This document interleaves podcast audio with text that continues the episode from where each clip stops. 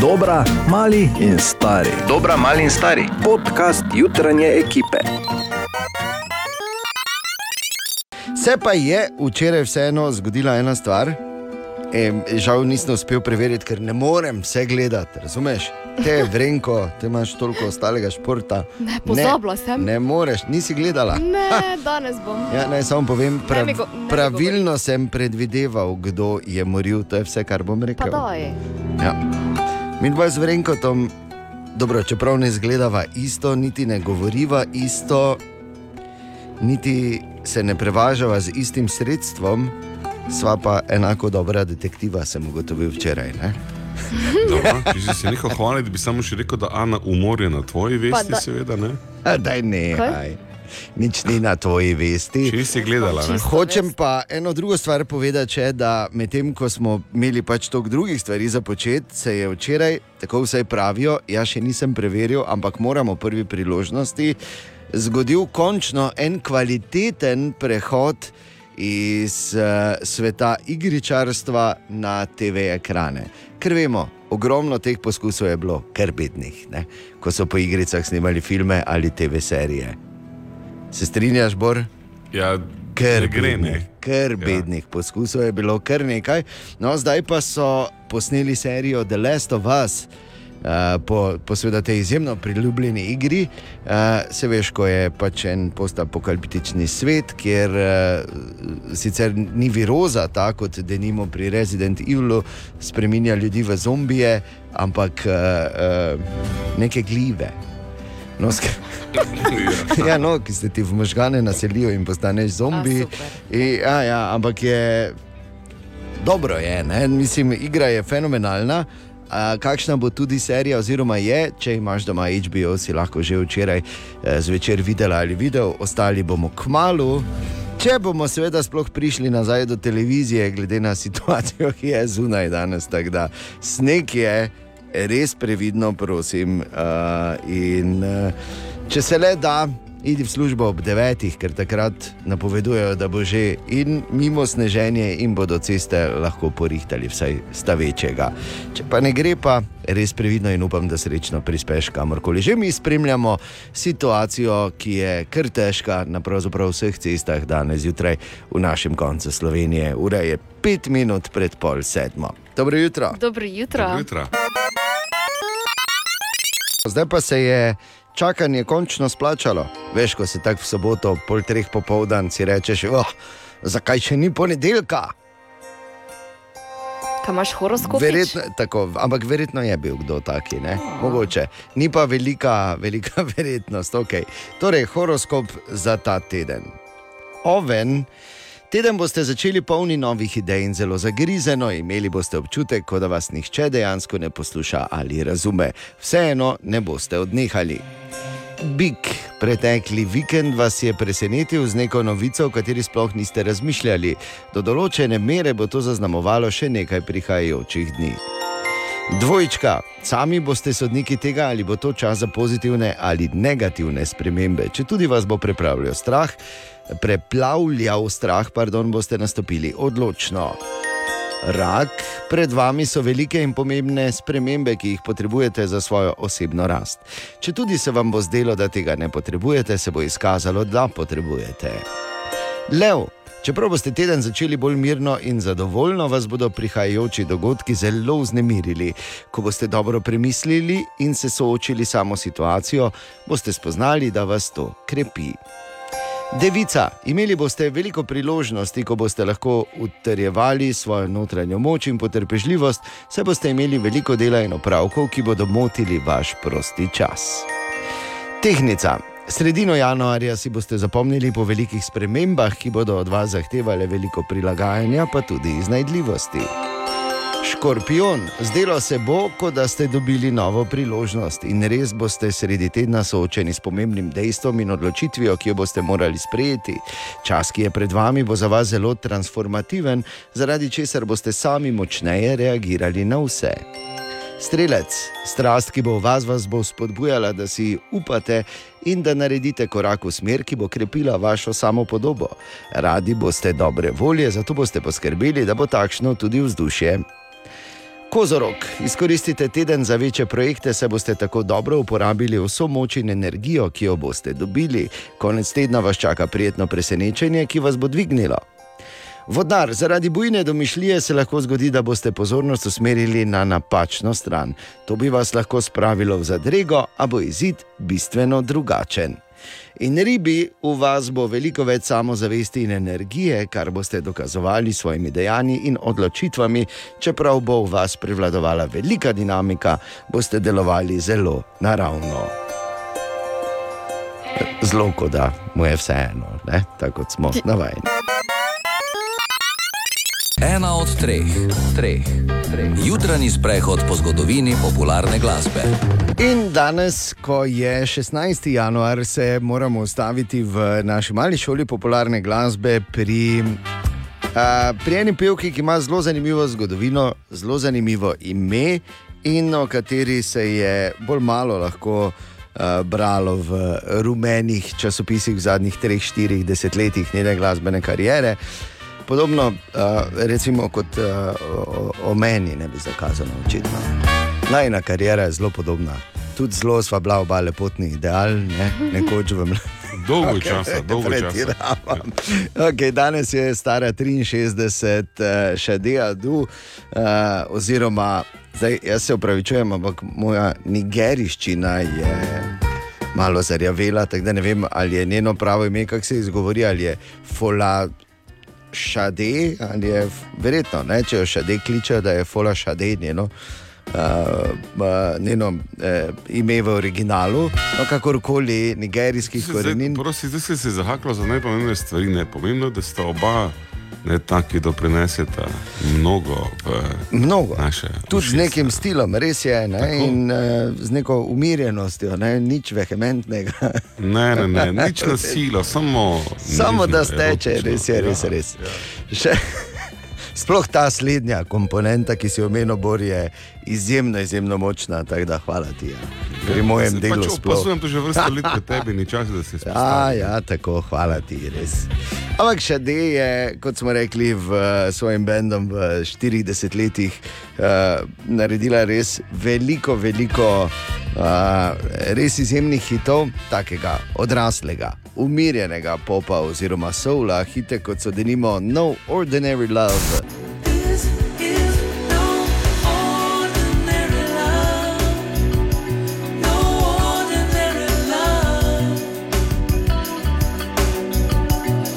Ali pa Love is Stronger Than Pride. Really, really love. Love stronger than pride. Really. Pa denimo The Sweetest Taboo.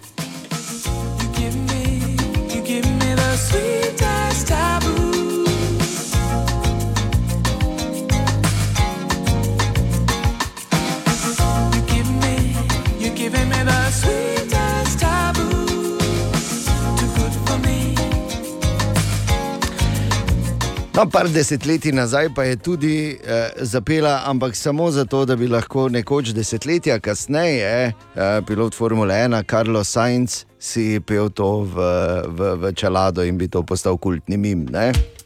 Smooth operator, I'm such a smooth. Še da je danes stara 63. Želimo dobro jutro. Dobro Dobro jutro. jutro. In seveda, pozor in previdno danes, kjerkoli že si na cestah, ker ni hec tam zunaj, tako kot ni hec v knjigarnah, pričakovano najbolj prodajana knjiga na svetu ta trenutek, katera? No, Ja, no, Da kraljeva. spe, ne samo sperje. ne samo spare, brez D, ne samo spare. Uh, in seveda, kjerkoli odpreš, recimo, ne vem, ali verjetno družbena omrežja ali pa YouTube, ti skoči ven neki intervju z Harryjem, tako ali drugače. In uh, jaz si vseeno ne morem pomagati, veš, ko se tako bogega dela, si mislim, da taj nekaj. no. Je pa res, da je težko, ko odraščaš uh, brez mame in brez pristne ljubezni, ne? ko se ti vsi napravljajo in ko se moraš posod samo smejati, čeprav ti ven iz uh uh, vse, vse zlato vun, ne, sveti. Ti zvok zlato vun, sveti. Ne vem, če obstaja ta primerjava.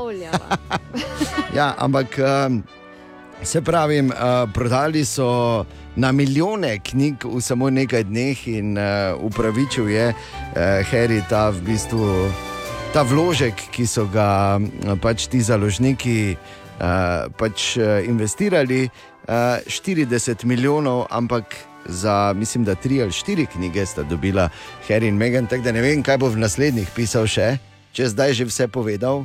Med drugim, da je dobil ozebline na kraljevem, na kraljevi kačici.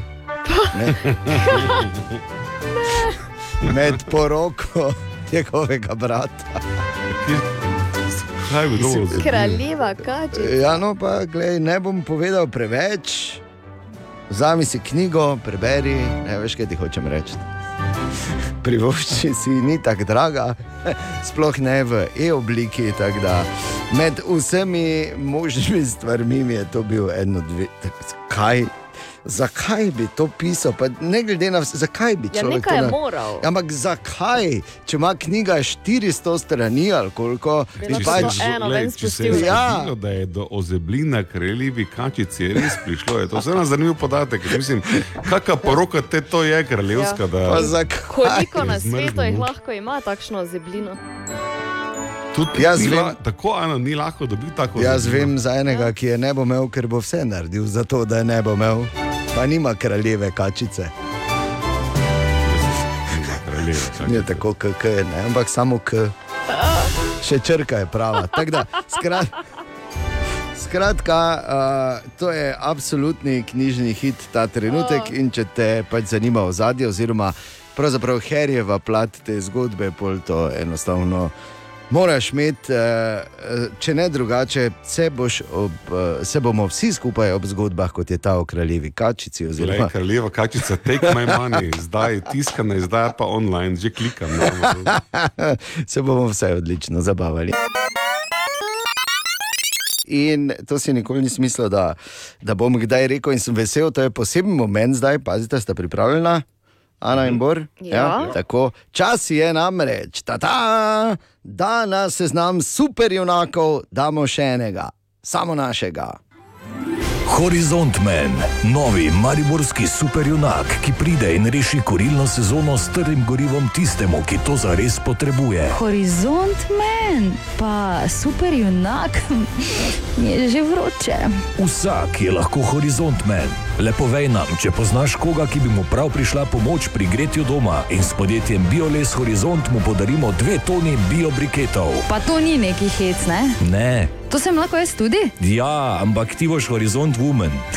pa se že boljše sliši. Horizont Man, novi mariborski superjunak, ki pride in reši kurilno sezono s trdim gorivom tistemu, ki to zares potrebuje. Pa mu vse spije. Ne, Pa bi mu lahko. samo mu ne, postani Horizont Man. Halo, horizont woman. Ali Horizont Woman, piši nam, komu lahko skupaj pomagamo pri gretju doma na jutro, afnaradiocity.si, na naših družbenih omrežjih ali pokliči na servis 211. Horizont Man ali Woman in center lesne biomase Horizont in Radio City. A, kaj pa to? Kaj Ni pa to Wow. ni Moče bi samo kot uradno zabeležko dal, da lahko bi bilo reši sezono s trdim. Ne? Ampak seveda, Dobro, no. Je fajn vseeno, da specificiramo, Pa kaj na tanko naporno. Ja, no, glej, zakaj na tanko gre? Ja. Ker tukaj v bistvu iščemo ljudi, ki bi nam pomagali poiskati ne, in postali horizont men. Tako. Torej, vsak je lahko horizont men, če prav razumem. Ne? Ali woman, ne pozabi. Ja, tu ja, je, ne, tako da oboje, uh, ker seveda ob, vsem, ob vseh stvareh, ki so se nam vsipale na glavo, ker stari slovenski pregovor pravi, da hudič vedno na kup serije, ne, so mm. uh, potem te cene energentov tudi uh, grozne in z Bioles Horizontom smo uh, se odločili, da aktiviramo horizont mena. In uh, lahko, če poznaš koga, ki bi mu lahko skupaj pomagali, in ja, dali dve toni biobriketov, ki uh, so zelo učinkovito, trdo gorivo. Ne, nam to uh, povej, napiši, da drži se nazaj, kot smo rekli, jutraj na radio CDPKS ali pa uh, na naših družbenih omrežjih ali na servisu 211. Bodi horizont men oziroma horizont woman, tako malo je potrebno, da si lahko V bistvu moraš samo reči, jože rabi. Ne? Ja. In, to vse- in si jo pravo. Mislim, reče. če je bilo kdaj lažje biti uh, Super. super junak, potem sem specikl. Ja, ker potem mi, eh, seveda, eh, gremo skupaj s horizontom in jožejo, kot si ga omenil. ne. Ja, primer, Pripe- primeri, bi lahko je bil tudi primer. In Peter, ne, pridemo eh, Jernej. z dvema tonama biobriketov, damo joža, čestitke, tvoj horizont men je Bor. Recimo, ne, ali pa Marjan, in eh, čestitke, pa da bo rešena korilna sezona, oziroma vsaj večji del nje. Tako da, bodi horizont men ali horizont woman, vsi detajli na naših družbenih omrežjih. O, Tine! In sneg ne prinese samo slabo, tudi Tineta je danes zjutraj skozi te zamete. Dobro jutro. Dobro jutro. Dobro jutro. Uh, ja, ni bil sem tako v avtu kot peš. Ne? Aha. Sem, uh, mislim, Tako da imaš cel diapazon. Imaš, seveda, da moraš biti malo bolj previden v avtu, pa vse skupaj to pa pač prilagoditi, pa to samo pešiti. ne. oh, moj bog, kaj se ti malo norče. Nisem 700 krat na glas preklinjal, A, okay. ko sem hodil. Pa ko- 200 metrov imaš do službe. Ja, vse to je. A hodil sem, kot da imam 7 km, pa bos hodim, pa ne vem, Veter se ti upira v telo. Kaj se ti nori. Ja, pa spolsko, pa žlufar, mislim, to je pač tako, kot je. Ne? Ja, to, ker ko je sneg, te stopiš, te spoje, valjda, polmetrska luža, samo puf, not, ne, te stopiš naprej, te se ti spodrsne, pole valjda pade iz vej dol, taki kosi. Direkt na Ne, da, tebe. če ti za vrat pade, si tako gotov, ne. Ja, boljše to, kot da ti veja pade, ne, kot Kaj smo te slišali, da lomi. Ha, dobro, verjetno je boljše. Z vejo da si hitro rešil da, da si malo moker, ko pa da dobiš barunglo. Ne? Kaj te vem. No, okay. Skratka, ni zdaj nekaj, veš, ono, joj, sneg, gremo na sprehod, tiho, hu-" ne, ni, Ne, ni ne vrste sneg. Dobro. Ampak ob tem snegu, in mimo grede, hvala za to detaljno uh, poročilo ja. tudi iz naših pločnikov, da nimamo samo iz cest. Tako. Eh, Razen tega, ti ne. Razen tega pa nekaj absolutno nepovezanega. Dobro, hvala Bogu, To je končno. bolj za tebe informacija, da ker ti vemo, da si edini šahist zjutraj, razen če, razen če bor šahist, pa tega ne vem. Ne, Bor? ne, Ne, Aha. ne da ni šahist. odkimal je. Niti ga ni, ne. Ne, jajca si šopa v usta. Pa. Za zajtrk, mislim. Vse se je na robe slišalo. Res je. Tako da šah, ja. Ne morem zdaj govoriti, No, imam daj bora ta, pred no. rokami. Pa z jajco. ja. Ni najlepši Dihaj, prizor, ki ga lahko dobiš na vse zgodaj. Vem, ampak o 15 šahu. let že ni noben računalnika premagal. Ja. Tako da, če bi tu mogoče ti dan stopil. Ne, Tu je manevrski, manevrski, manevrski, manevrski manevrski. prostor za Rekel bi, napredek. Ne, ker zdaj, če bi vi ne veste, ne, ampak recimo vedno, ko smo imeli, oziroma ko imamo eh, predstave, ne, te mi imamo dve uri za sebe. Ne, tam se pač eh, ponavadi se. Mi je šalico menimo, da jim pa tako veš, vrš, not v telefon, pa te pa kaj ti delaš, šah špilam. Resno, Ja, to te sprošča. Pa Sprošča ga. Sprav- Sprošča, Sprošča. ki ima manevrski. Jaz bi, Rekla, jaz adijo, Jaz bi samo loč, eh, mislim, logično nadaljevanje tega stavka, Tine, ki si ga ti povedal 15 let, če ni nihče računalnika v šahu premagal in ga tudi nikoli več ne bo.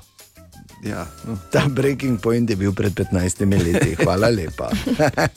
Drugače pa me veseli, Tine, da si prišel brez poškodbe, upam, da bo taka tudi pot domov Ja, ja. vse To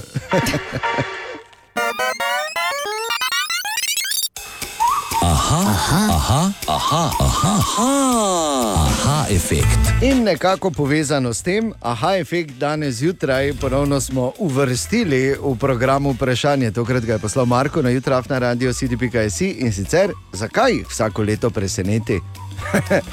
Najprej definiramo, kdo so oni. Ne? Se tu govorimo Ja, no. o voznikih tovornjakov, Ne, ali bolj verjetno o teh, ki skrbijo, da so ceste splužene. Točno o tem. Zdaj, na eni strani seveda, ne, je ta ponarodila šala iz reporterja Milana, da oni tam ja. kartajo, če se spomnite. Ja, opa. opa, Zdaj na zadnje so briškolo ga žgali, ne, Pa kot da. smo se naučili. In to gotovo bi v kakšni izjemni situaciji lahko bila zanimiva razlaga ali pa zabavna, ampak tako v povprečju pa generalno zelo daleč od resnice. Um, če bi mi vsi imeli doma en plug, pa ven šli na ceste, ko pričesne žid in začeli plužiti vse ceste, potem bi verjetno imeli težave, ker bi ga sipala medtem, ko bi mi plužili.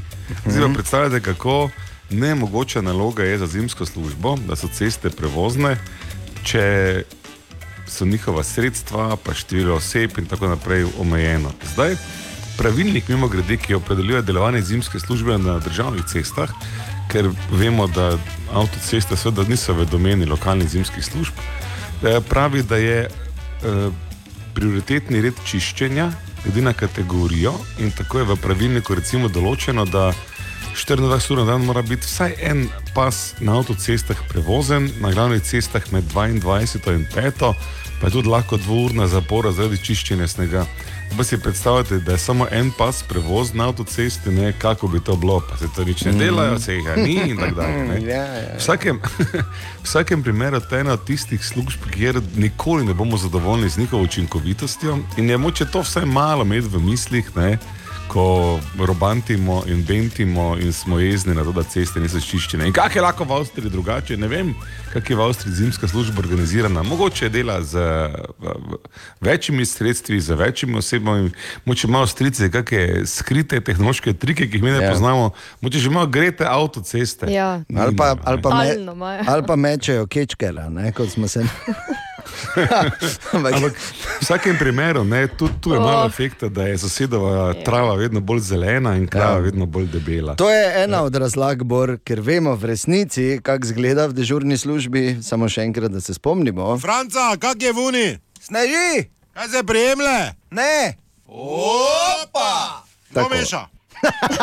Ali tudi vi pogosto totavate v temi? Aha, efekt, da boste vedeli več. Želimo dobro jutro. Dobro jutro. Tako pa se je zaključil tudi Reli Dakar 2023. Uspešno sta ga zaključila oziroma končala tudi oba slovenska motorista, ki sta bila tam Simon Marčič, ki je bil že devetič na Reliju Dakar in seveda znova dirka v najtežji kategoriji, v kategoriji Original, kjer so eh, motoristi brez svoje ekipe in v cilj je prišel šestič. Lanskega dosežka, ko je bil skupno 36 in 5 v razredu, brez ekipe, sicer ni izboljšal, štartno številko 50 je bil Simon na koncu 50 v razredu Original, pa 6.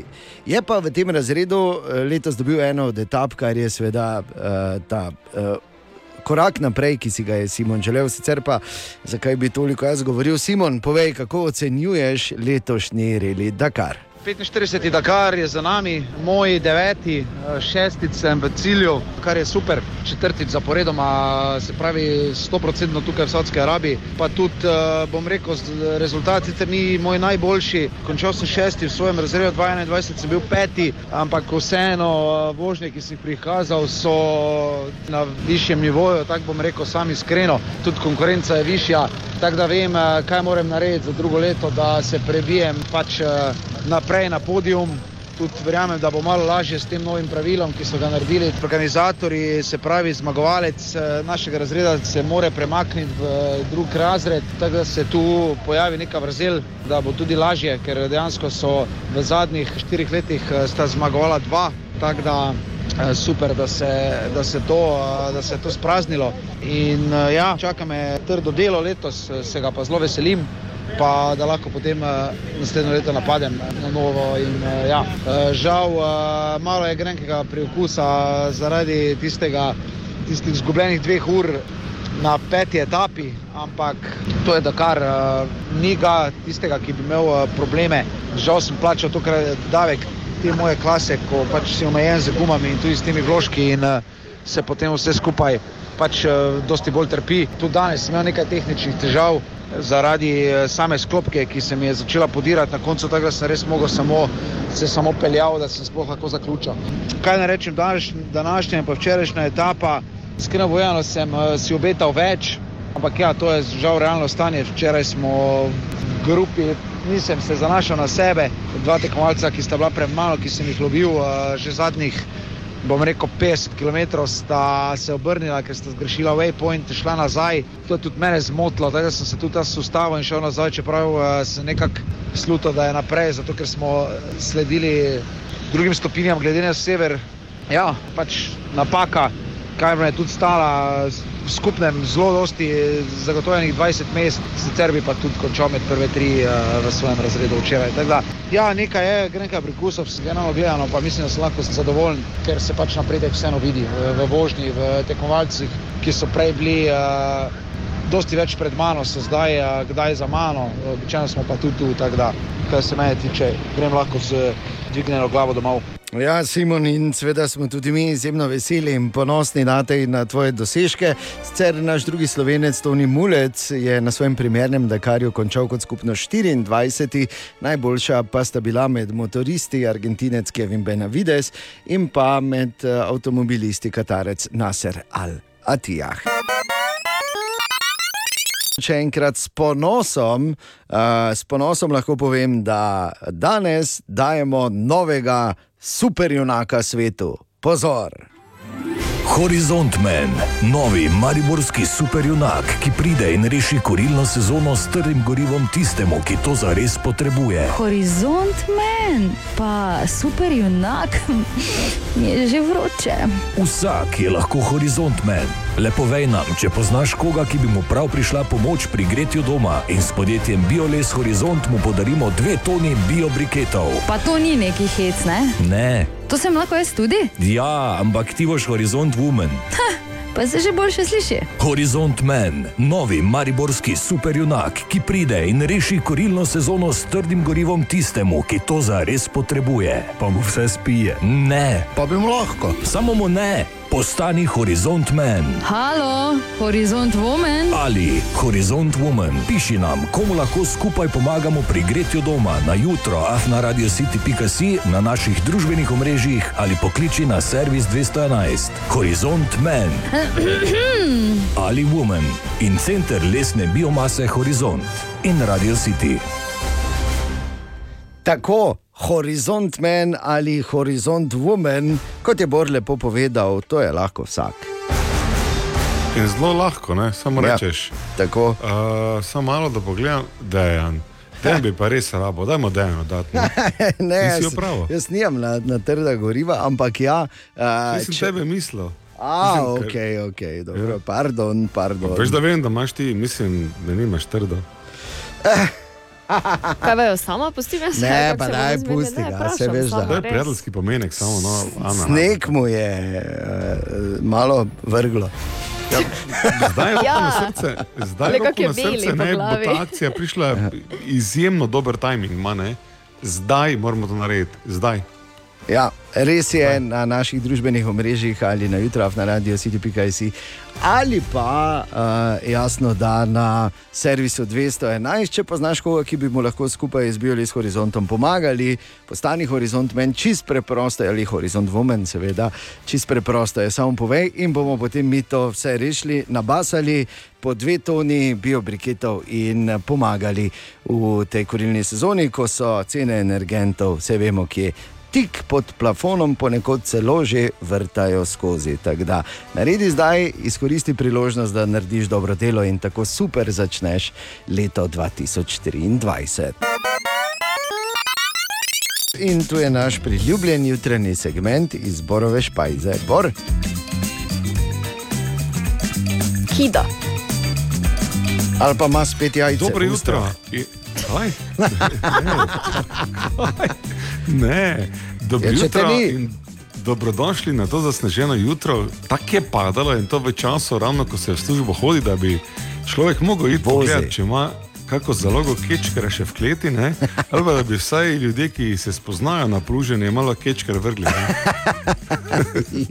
Za tiste, ki zdaj debelo gledate, kečker je ena zanimiva zgodba o tem, kako pravzaprav ne, se rodi svet, v katerem živimo, ali pa razmišljanje, v katerem živimo. Ker kečker, če boste šli skat na splet, ne, jaz dvomim, da boste našli, da je to posebna vrsta soli.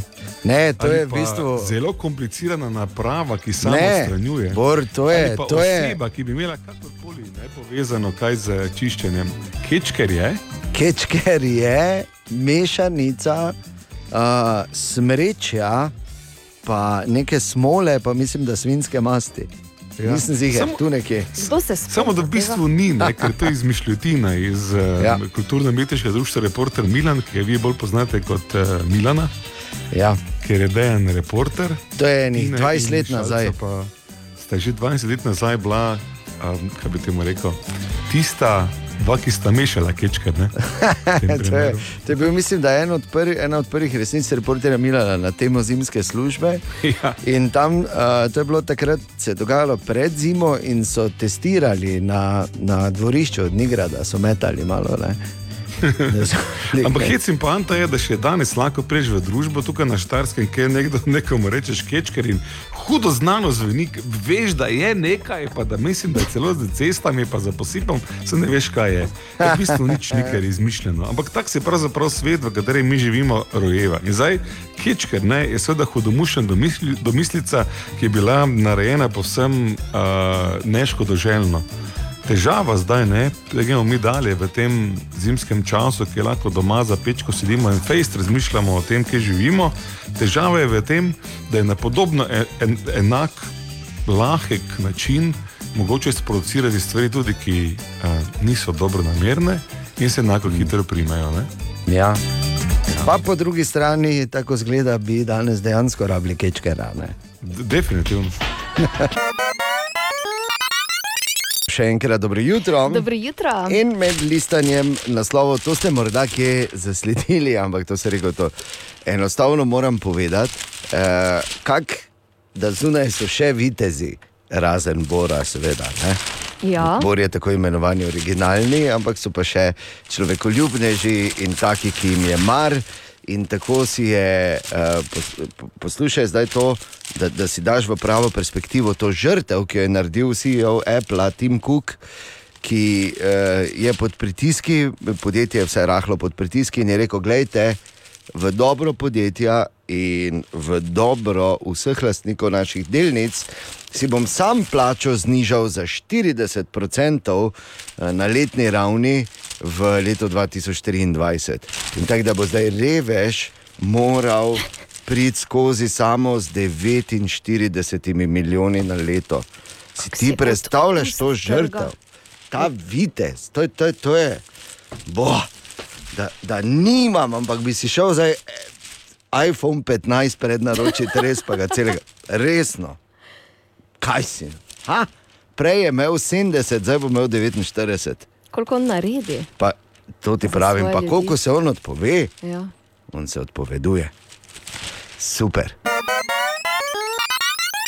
Še enkrat dobro jutro. Dobro jutro. Ja, lepo, da se prebujemo tudi danes skupaj. In moram povedati, zdaj za marsikoga bo to presenečenje, za marsikoga ne, ampak uh, jaz uh, ne uporabljam dosti fena. Od nekdaj, oziroma Boš že rekel. dolgo ne. Že dolgo ne. Uh, nekaj je pač uh, posledica, vse veš tega, ko pametni lasje pa to No, pač moški si. grejo ne? pač, pač na ročelo.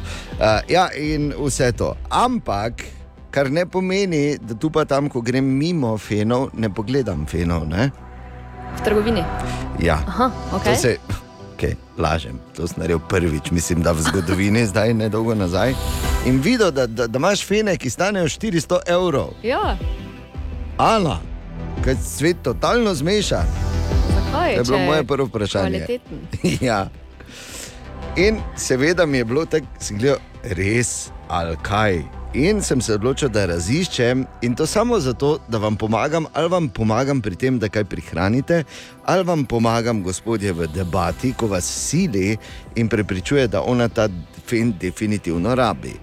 Torej, v Nemčiji imajo eno eh, nacionalno, no, imajo nacionalno uh, fundacijo, ki testira uh, razno razne produkte za potrošnike. Ti si se prav vrgel v Prav, raziskavo. prav vrgel sem se v raziskavo. Okej. Imajo fundacijo, imenuje se Varen test in uh, velja za neodvisno ne, in uh, zelo natančno in strokovno, uh, strokovni vir informacij. In naredili so test 14 modelov uh, fenov. Od tega najdražjega za 400 ali koliko že evrov, do najcenejšega, ki je stal samo uh, 25, oziroma pardon, 23 evrov. Dobro. In kaj so ugotovili? Ugotovili so, da je sicer na testu zmagal tisti, ki je bil najdražji, ampak samo malenkost pred tistim, ki je bil najcenejši.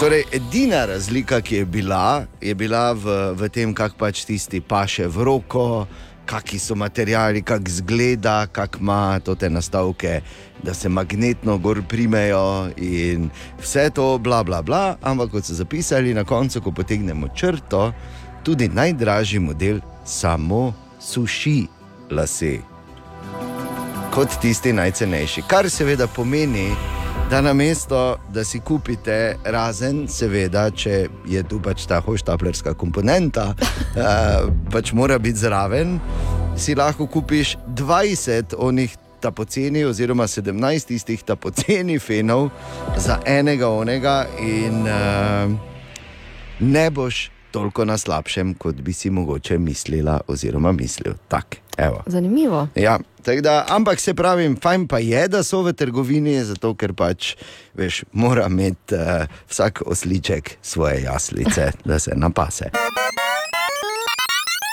Želimo dobro jutro. Dobro jutro. Si v redu, Tibor? Ja, zdravje. Si kihno, kihec je bil? A ja, kihec, dobro.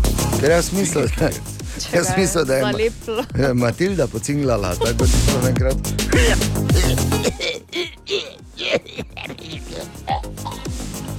Bo, In pol dalje. No, in uh, slovensko-hrvaško partnerstvo.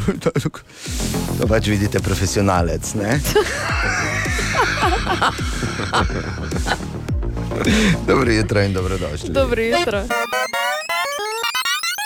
Želimo dobro jutro. Dobro jutro. No, danes zjutraj so seveda vozne razmere nekaj posebno drugega v primerjavi z včerajšnjimi, tako da uh, precej bolj mirno lahko pelješ v službo. eh, Zagotovo ne, Ana. Ja, seveda. Servis 211 danes Res je. praktično na počitnicah na Mauriciusu, glede na včeraj, ampak vseeno, seveda, previdno. Je pa res, da vedno, ko pade sneg, pa pol, ko grejo splugi, pa ko se po zimi to soli, pa ko je mrzlo, pa ko spusti, pa ko voda zmrzne, pa ko pol spusti, pa ko to malo pokne, pa ko mala špranica nastane velika luknja, oziroma kot temu rečemo, udarna jama. In se ti dogaja, da imaš eh, na mesto vožnje, kamorkoli že pač greš po mestu, v bistvu rodeo. In uh, vedno se pa ne konča tako, da bi rekli, ha, ha, ha, uh, kako je ruknilo, nič ni, ha, ha. včasih celo pride do, do, do škode. In kdo je pol kriv, in kdo pol plača, in kaj je zdaj. Fajn, da vemo te stvari in par informacij je na to temo zbrala Tanja, izvoli. Vprašanje, ki si ga marsikdo postavi med tem, ko med vožnjo po naših cestah benti za volanom ali bilanco kolesa. Seveda je odvisno, zakaj zapeljete v udarno jamo, kje zapeljete, kdo je zadolžen za vzdrževanje ceste, na kateri ste si denimo uničili pneumatiko ali zvili sprednjo kolo na novem kolesu.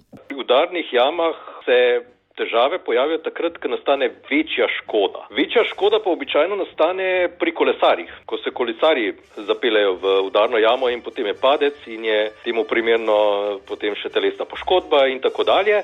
Pri navadnih vozilih pa običajno ni tako zelo velika škoda, da bi pravzaprav sploh prišli v situacijo, da bi odškodninski zahtevki nastajali. Ali se pa to že rešuje na ravni zavarovalnic. Tako pravi odvetnik Jrnaj Kos in dodaja, da ni ravno ekonomično, da bi ljudje posegali po odvetniški pomoči v odškodninskih zahtevkih povezanih s poškodbami ob naletu v udarne jame.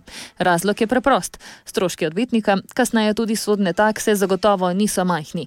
Zato se običajno te zadeve rešijo kar preko zavarovalnic, neposredno z javnimi podjetji, ki imajo koncesijo za vzdrževanje cest. Tisto, kar se lahko pojavi, recimo, in večina ljudi ne ve, je, da lahko se ugotavlja soprispevek oškodovanca. In največkrat se ta soprispevek ugotavlja kot eh, prehitra vožnja. In sodišča potem, ne, če pride do sodišča, tudi potem to oceni v smislu, ne, ali je pol pol, 60, 40 in tako. Ne.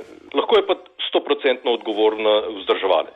Če se vam torej kdaj zgodi, da naletite na udarno jamo in si pri tem poškodujete avto, kolo ali motor, ali še slabše, tudi sami utrpite poškodbe, se najprej umirite in v jezi ne delete nič, no, na to pa se obrnite na zavarovalnico in vzdrževalca cest. V izogib temu pa varno na cestah in seveda po predpisih. No, evo, tak. Toliko o udarnih jamah in o tem, kaj bo. Uh, je pa še en drugi problem, ki ga velja izpostaviti. Uh, jaz ne samo, da sem tako neroden, da, da v te uh, stvari naletim, jaz imam tudi tako imenovane udarne robove po hiši, ki jih običajno Aha. zahaklam z malim prstom. To In pa po koga- mojem nisi edini. ja. Koga pa lahko tu potem, ne? to pa je naslednji projekt, Tanja, upam, da si si zapisala. 20 minut pred sedmo, dobro jutro. Dobro jutro. Pa varno na poti, seveda. Ena od treh, treh, treh. Jutranji sprehod po zgodovini popularne glasbe. In danes je star 39, eden najpopularnejših in najuspešnejših DJ-jev na svetu, Calvin Harris oziroma Adam Richard Wiles, kot je njegovo pravo ime. Znan po marsičem, zdaj če gremo malo še v stran od muzike, recimo po tem, da sta se s Taylor Swift dolga leta ljubila, potem pa sta se nehala na neki točki. Ampak uh, zanimivo, ne? Mislim, veš, to je že zgodba za povedati svojim zanamcem. Ne? Sploh če recimo si ne vem, z nuki na koncertu, pa te Swift poje, pa se eh, pač eh. Eh, To dela, dela to že, eh, dela vse ve. ne. In drugače je zanimivo, da je. Vse ve. ja, tak, to je tako ena sreda za tebe, Bor. Ne, Jo pa da družini. ne, haj bogi. Ja, no. Tako je. Ana meni pač to pogosto reče, da vse ve. Tako. Bi pa rekel samo to, da ko sem malo prebiral o Kelvinu Harrisu, o katerem sem nekaj vedel, toliko pa tudi ne, sem en zanimiv stavek prebral in sicer je, je pisalo, on je iz Škotske. Ne? In eh, je pisalo, da je eno leto na začetku pač delal tudi v tovarni rib, pa sem rekel, "Ah, kaj v morju. Okay. Drugače pa na glasbeni sceni že približno 16 as- ali- oziroma 17 let v sami špici z izjemnimi sodelovanji, izjemnimi hiti, kot so bili denimo Summer.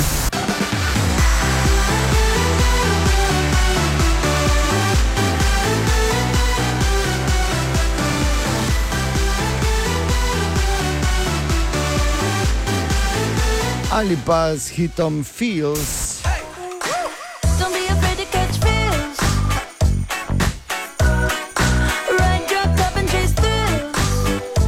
Farelom in Katy Perry, seveda.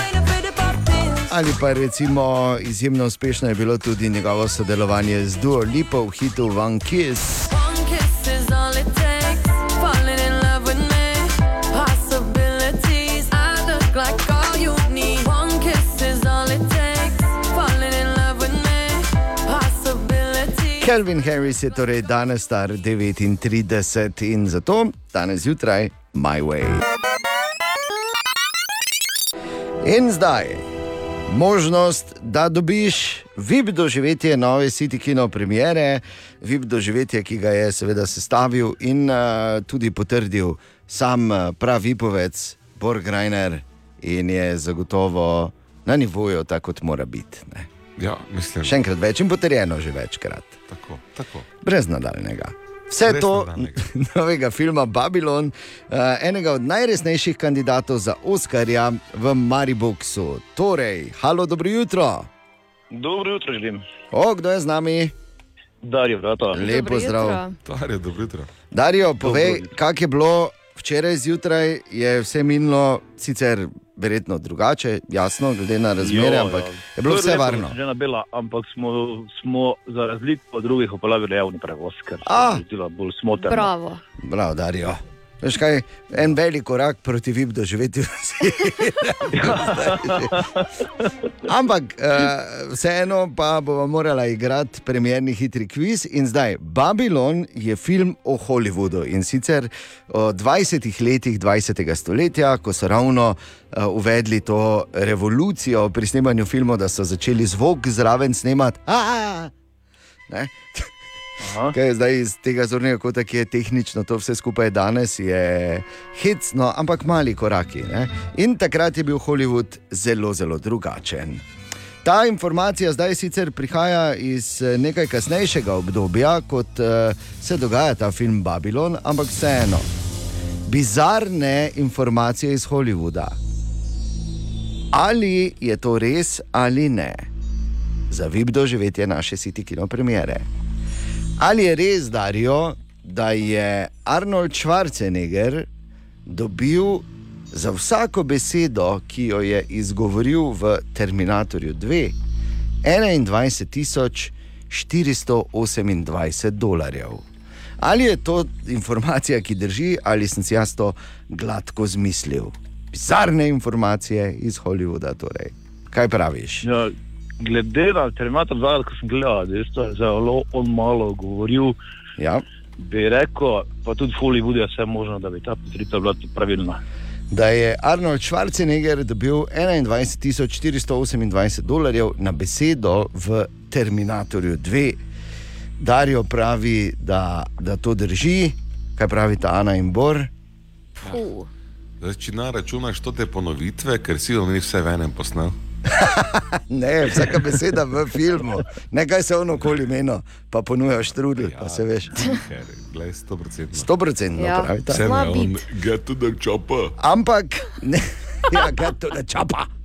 Ampak, uh, ne glede na to, da, da ste vsi trije rekli isto, vib doživetje Sidikino premiere in filma Babylon v Mariboku dobi Darijo čestitke, absolutno pravilno odgovor je bil. Absolutno. Pazi, ker je Schwarzenegger v tem filmu izgovoril vsega 700 besed, dobil pa je plačano 15 milijonov. Tako da, če 15 milijonov deliš 700, dobiš to cifro. Kar ne? Tako. Približno, Ja, približno tako dobi Bor vsako jutro pri nas. Ja, na leto. Tako. Darijo, se vidimo v Mariboku v četrtek, vib doživetje City Kino premiere. Tvoje uh, in uh, lep dan ti želimo. Ja, tudi vam dam še. Hvala, da si poklical Darijo. Ajde, dio in danes skozi vse dan. Želimo dobro jutro. Dobro jutro. Dobro jutro. Eno vprašanje. Včeraj je bil tretji ponedeljek v januarju. Za nalašč nisem na to posebej opozarjal, ker se mi je zdelo bolj pametno, da preverimo to dan potem. Namreč tretji ponedeljek v januarju velja za tako imenovani Blue Monday, oziroma A. najbolj depresiven dan v letu. Ja. Pa me zanima, kako sta vidva preživela, ko nista vedela, oziroma nista pomislila na to, da je bil včeraj najbolj depresiven dan. Bor? Bom jaz naprej. Um, Ja, bomo dobro. Vse ne morem reči, da je slabo, samo pač ne te pa te cene. Pa, te pa še sneg padel, pa je bil malo bolj. eh, Tako vidim pa je pozitivno. Ja. Ja, zelo. Res je lepo, lepo. Ker v imidžu, ne Pač, si bil. še bolani, sicer ne samo, vse nismo tako fejs. Dobro. Ampak je, no, vse je, vse bo. Vse. Okay. Ti, Ana, Jaz sem bila tečna, ko A, so se menili. Res. Ja? So se meni. Sama sebi že na koncu dneva. Ampak zakaj bila, res zakaj v pretekliku? No pa daj, kaki si, No, danes in- se res dosti boljše In volje. to je recimo, tudi lahko danes ena tema v pisarni, ko prijete, čuješ. Včeraj je bilo to, kak si bil. Veš, in bolj začneš vleči sporednice in si misliš, čeprav ni nobenega znanstvenega dokaza, da dejansko je to najbolj depresiven dan v letu. Ne, pač, če rečemo, da je, in pol nazaj pomislimo, da če vsi rečejo, da je, pa pol rečeš, ja, pa res, pa se jaz sem tudi bil, običajno nisem tak, pa glih včeraj, viš, nekaj je na tem, vse je v glavi. Želimo dobro jutro. Dobro jutro. Čist drugače je danes, kot je bilo včeraj. Ne? Čist. Ko ni Blue Monday, Ko ni, veš tako, ja, pa ko ni, mislim. Veš, Snega? ko, se vsipa, ko ti nekdo kavo naredi, ko se mu dodatna žlica not vsipa. komu se te to zgodi? Ja, to se jaz tudi sprašujem. Ko te nekdo hoče zadaviti z, tako. zadaviti z zocom, mislim, vse to se ti lahko zgodi. Ne? Včeraj je pač O. snežilo. Torej, ni dneva, ko ne bi bilo problemov, če seveda hočemo, da je tako. Dobrodošli. O, Tine! Tine, dobro jutro. Dobro jutro. Dobro jutro. Zdravo. Servus. Dobra Ana. kavica, ne? Ana, Ja, sem ti rekel, zažgi me kot z nekim haklom po glavi, drugič pardon. Pardon. To je res. Še Turki Veš bi se vsedli. Malo še je bilo noter in prosim si od naše Mm, mojice sposodila, ja, ja, sem mogoče malo preveč dodala. Pre, vse preveč detajlov. Nisi ti za dodajanje. Ja, v naši ekipi od nekdaj ne. Ja. Drži se do tih, koliko daš not, to, to malo džezvico. ja, štiri male, ne? Mm, preveč. Probaj dati tri male. Ok, te Torej, jutri vodo. pila. Za vse, ki, pribli, Vodo ki, ki ne veste, o čem se pogovarjamo, a, Ana je namreč eh, skuhala tako močno Ja, močno kavo, je, ne. da je približno tako, da bi naj jo z eno lato po hrbtu zarezala. No, no. Če je torek zjutraj. Bor samo modro molči, ker se je izognil tokrat ne, temu, tokrat? tej baraži. Pač, Si Včasih imaš, imaš malo sreče, met. ne. Kaj bi njemu ta kava Je, naredila, ker veš, da že po njim navadni mali Ja, kavi čist. je že Celo po mojem, Poblazni, ne ne, vem, če ne bi dobil pogum za špago, da bi probal. ne. Sedel bi v Ko špagi. rajžo bi dobo, bor.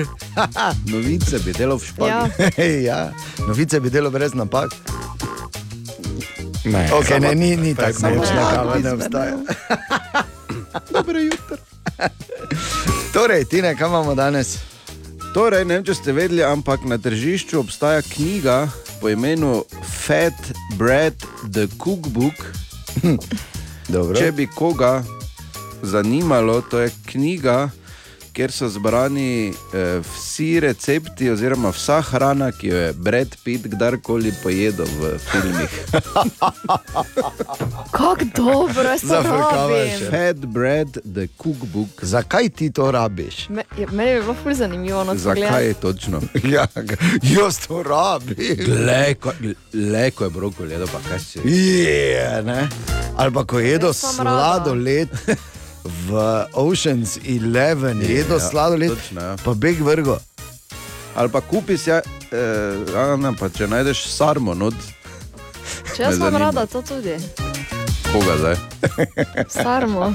Ja, vem, samo predi na Brad Pitt, verjetno sarmo. Ja. Jaz tudi mislim, da ne ima denar, on ne rabi sarme jesti. Mogoče v Sneču, tam ko je bil cigan, oni moče so jedli, kako sarmo, ali kaj ne vem. Ne. Ali pa sedeli kuj tak surovo. Kaj je. Grajner? Ni, ni, Surovo ni komentarja. Še imamo filmih paprika, ki jih ni včeraj pa jedla. Ni. To bi lahko bila knjiga tudi, vse kaj po mojem. bor pojedo. ja, debela je knjiga. seznam. in bi imel poglavja. Ne? Kaj je bi imel- kaj si je sam skuhal, Ja. kaj je moja mama skuhala. Sam skuhal bi bilo bolj tanko. Ja, ne. bolj tanko, ja. Predvsem sam kupo. No. Koliko pa mogel imeti grižljaji, ki sem jih vkradel v službi? Ja, uf, tu jaz prednjačim. Veš. In tu je vprašanje za Ahajfek za danes zjutraj. Bor poslušaj zbrano, prosim, ker je ti napisal na jutraf na radio city.js in pravi takole. Kdo je bil prvi, ki je gledal kravo in pomislil, kaj če bi jaz pomauzel to. Torej, Zakaj? torej, kdo je prišel na idejo, da bi pili kravje mleko? Oh, Je, kaj boš rekel, kaj? Krava prva, ne? Pa dobro. Kaj? Tu piše krava, ne? Zdaj, če je ovca ali kaj ste vi. Razmišljam, mislim, da. Ja, S čim ste vi začeli, ne vem. Pač Ja. ja. ti ne je napisal za kravo, ti pa pač lahko govoriš o ovci, če ti je bliže. Torej, zanimivo vprašanje, odgovor v high-efektu, me res zanima, kaj bo. Aha, aha, aha, aha, aha, aha, aha efekt. No, to me pa zdaj res zanima. Tina je namreč pisal in takole pravi: Kdo je bil prvi, ki je gledal kravo in pomislil, kaj če bi jaz to pomauzel? Torej, kdo je prišel na idejo, da bi pili kravje mleko? Bor. Ja. Super vprašanje, ker bomo rekli, Joža je bil, to vsi vemo in gremo dalje. Ampak okoli pitja mleka je par zanimivih podatkov. Mi vemo, da še 9000 let nazaj, kaj vemo to? To vemo po lončasih izdelkih, ki so ostali in smo jih uspeli ne, arheološko uh, izkopati, analizirati. Enih 9000 let nazaj smo mi v Evropi že pili kravje, kozje in ostala mleka. Ampak zanimivo, skoraj nihče ga ni mogel zares prebavljati. To pomeni, da šele kakih par tisoč let nazaj imamo to sposobnost, da prebavljamo kravje mleko. Pa še to ne vsi, pazite, praktično vsi otroci se rodijo s sposobnostjo razgrajevati laktozo oziroma mlečni sladkor. Ampak večina odraslih in to kakih dve tretjine te sposobnosti nima, torej večina populacije na svetu je laktozno intolerantna. Zdaj pa. To ni taki problem, ker večinoma so to blage želočne težave. Kaj pa vejo znanstveniki, kako se je pravzaprav to um, zgodilo, ta prehod iz um, noben ne more mleka prebavljati, v to, da vsaj ena tretjina danes to uspešno počne, včasih um, hujše lakote ali pa suše, pa ko so ki patogeni, eh, neke bakterije eh, prisotne in tako naprej, je ta blaga intoleranca lahko velik problem. Zato, ker če um, v tvoji vasi, kjer jih sto živi, 50 umre, zato ker je ne, taka driska huda na pohodu, potem se ta lastnost seveda deduje naprej. Tako da danes na svetu obstaja kakšna tretjina ljudi, ki mleko lahko prebavlja, vsi ostali imajo pa običajno blage žločne težave. In vsi bi se radi ob tem zahvalili Jožetu, ki je prvi pogledal kravo in rekel: Tu bom jaz primo, ker nekaj ven zihre prije. okay. Skratka, na kratko bi bil odgovor, Joža je bil. Tako. Okay. Ali tudi vi pogosto tavate v temi? Aha, efekt, da boste vedeli več.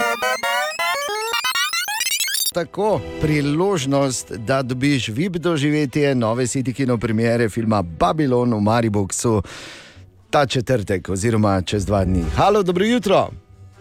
Dobro jutro. Dobro jutro. Dobro jutro. Kdo je tu? Bojan pri telefonu. O, Bojan. Kak... Pa Bor, pa Ana, pa Dejan. Hvala. Za sebe, kaj. kak- Kak je natančen, si slišal ti to, Bojan? Tak bil, kdo je tu? Noro. Nekdo mora biti, ne? Ja. Nekdo mora biti žal, ja, res. Ja, je. in pri nas je žal to bor, tako da veš, kak je vse. Tako bom rekel, nič ni na plajbo. So stari majstri rekli, bojan. Torej, vib doživetje.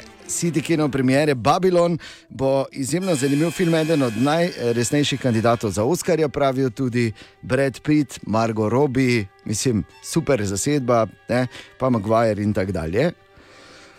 Tako da bojan, kak si kaj ti z uh, zgodovino Hollywooda, kak ti kaj poznaš to? Ha? Pa upam, da no, bomo videli. No. Dobro bomo videli, bomo videli, drugače pa imaš zelo rad filme. Ne?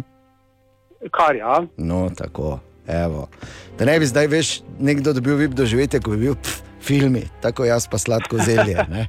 Je. Po ne bi klical, ne? Ja, prav, vidiš, to je to. In greva. Povedal bom eno nenavadno dejstvo iz zgodovine Hollywooda, in ti boš povedal, ali je to res, ali sem si jaz to gladko zmislil. Namreč, ko so uh, ustvarjali te efekte nekoč v Hollywoodu, so to počeli seveda povsem drugače kot danes, ko je ta CGI in ko delajo veliko večino računalniki in tako naprej. Razen v filmih Toma Cruza, tam je, tam je on glavni. Ne? Tam on vse leti, pa skače, pa ne vozi, pa tako dalje. Ampak nekoč so v Hollywoodu, in uh, to je kar presenetljiva informacija, ko so morali narediti sneg, umetni sneg, so za te umetne snežinke uporabljali azbest. Ali, Super, ja, ali je to res, da so nekoč umetni sneg delali z azbestom in dejansko pač sipali smrt na igralke in igralce? Kaj misliš? Jaz bi rekel, da je to tako nenavadno, da bi rekel, da je res. Bojan, uh, zelo, uh, v bistvu bom rekel tako težkim srcem. Pa ne zaradi tega, ker ti ne bi hotel dati nagrado, ampak ker je to grozna informacija. Rečem, ja, seveda je res, te si moraš misliti. Noro, ne? Noro, res. Jaz sem je. dobro bral, da si mislil, wow, kaj si hecen. Po drugi strani sem pa razmišljal, gledaj, še kje na kakšnem gospodarskem poslopju, kakšna plošča, če bi to še uporabljali. Vse ne drugo, da prodaš, pa da se hudiča rešiš. Bojan, ok, vib doživetje je tvoje, uživaj, mej se, mej se super, že veš, koga boš vzel s sabo. Ženo, seveda. Absolutno. In uh, zaradi žene, kak je ime ženi? Tadeja. Tadeja, Tadeja, gledaj, tvoj bojan, tvoj bojan je se res potrudil, tvegal praktično svoje življenje, poklical samo zato, da boš ti imela vib doživetje. Jaz verjamem, da znaš ceniti, samo da je še to pokazati. torej, bo... Res je, res je. Tako, vse smo zrihtali, se vidimo v četrtek v Mariboku, Bojan. Hvala. Okay, lep dan, adijo. In še nekaj vib doživeti imamo za podeliti danes skozi vse dan. In ponovno je šel odprtih oči skozi naše mesto, Jaša Lorenčič. Jaša, dobro jutro. Zdravo. Servus. Končno je zapadal sneg. Saj vem, eni se snega veselite, drugi pa takoj pomislite na neizogibno žlufarco. Mimo grede, kaj ni žlufarca ena najbolj naših besed sploh? Sicer pa v snegu je nekaj, kar pa vem tako pristno in prepričljivo mariborskega. Recimo, kako so me nedavno pošolali, ko nisem vedel, da se pležuhu reče tuji pok. Pok? Ja, mejte vi na levem bregu pležuh, na desnem rečemo pok. Tako so mi rekli. In zabičali, najraje dvakrat premislim, preden še kdaj kaj tako blesavega bleknem. Maribor ima hkrati tudi to srečo, da imamo kar nekaj bregov. Ne? Vse se še spomnimo, kje vse smo se že sankali. Rožni grič, ovinek pri piramidi, pekrska in skoraj niga navihanega Mariborčana, ki vam še ni povedal, kak se je dričal z Belvija dol do podna. Oja, otroci, tega na počnite doma, no, na pohorju. Podritniki, pležuhi, poki, sanke in moja najljubša zgodba, vožnja z varnostno blazino, kolektivno, po noči, čast in slava. Pol pa so tu še športni dnevi. Vse se jih spomnimo, ne? Imel si na izbiro skijanje, drsanje ali pa pohod. Za une med nami, ki smo skijali samo zaradi tople pice ali pa hodoga, pol pa hitro nehali, je bila pa še četrta opcija: pohod gor in sankanje dol. Z vrečko, če je bila fej sila in mimo razredničarke, tu in na glavi. Ja, samo Maribor. Lepi spomini.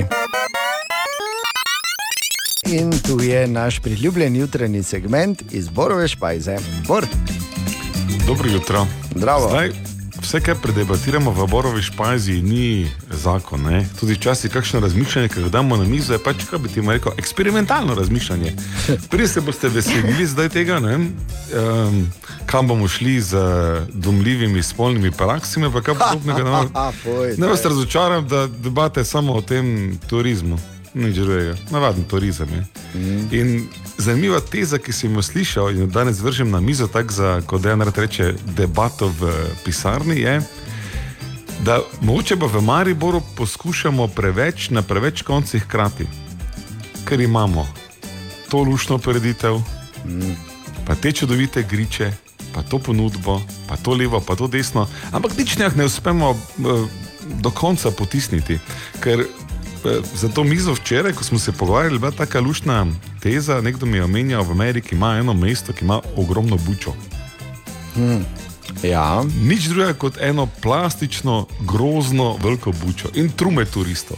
In zdaj Mi bi lahko to bučo sicer postavili na glavnem trgu, verjamem, da tam, ko je stalo kolo, je dovolj prostora za eno veliko bučo, ampak imam en drugi hm, konkreten, zanimiv predlog, ki me zanima, vaš odziv. Kaj pa, če bi mi celo mesto vseeno posvetili najstarejši trti na svetu, ker je noben drugi nima? Ne, da smo en tam muzej neki vkot stisnili, ampak da pač rečemo, imamo sicer turizem in mnogo zanimivih ciljev, ampak kaj če bi se samo enemu posvetili, pa naj si jim pedejo gledati to najstarejše trte na svetu, ker mimo grede, videl sem jaz človeško ribico v postojnski jami, nič posebnega, bil sem na bledu, se okoli pelal, kor niti nisem šel na oni otok, ker je bila neka gužva, nič tako posebnega, samo stara trta. Ko se pa tu lahko spije in predebatira, uf, ne? Mogoče pa rabimo samo manj, ne več. Ja, pa tisto izziv. boljše. Ne? Ja. Ni sploh slab način razmišljanja, samo se moraš vprašati, kako boš pol opravičil potem trume teh, ki delajo in snujejo in organizirajo. Ja, naj malo manj delajo, pa snujejo, pa malo več pijejo. Ne, naj jih, bo, naj jih bo malo manj. Uuuu.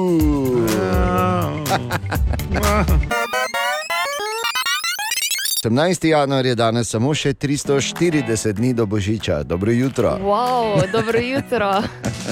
Vse je stvar zornega kota. Ja. Tako da ja, tu smo, ampak 18. januar, če pogledamo čisto malo, če se tako obrnemo nazaj za začetek in uh, recimo pogledamo v leto, mislim, fenomenalno leto 1975, denimo. Ne? Leto, ko so se rojevali res izjemni kadri, Ja. izjemni kadri, težko. Težko bi se ne Res je, to je tako, da bi se veš, ma, z nek, eh, to je tako zlatom posipan. No, Tako, spleščice.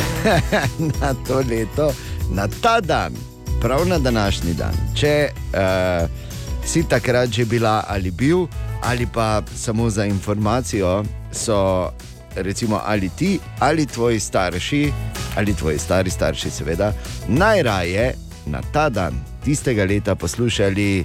To krasno balado, ki sicer ni bila v, uh, zapeta v originalu, ampak je najuspešnejša priredba tega hita v zgodovini. Barry Manilow in njegova Mandy. I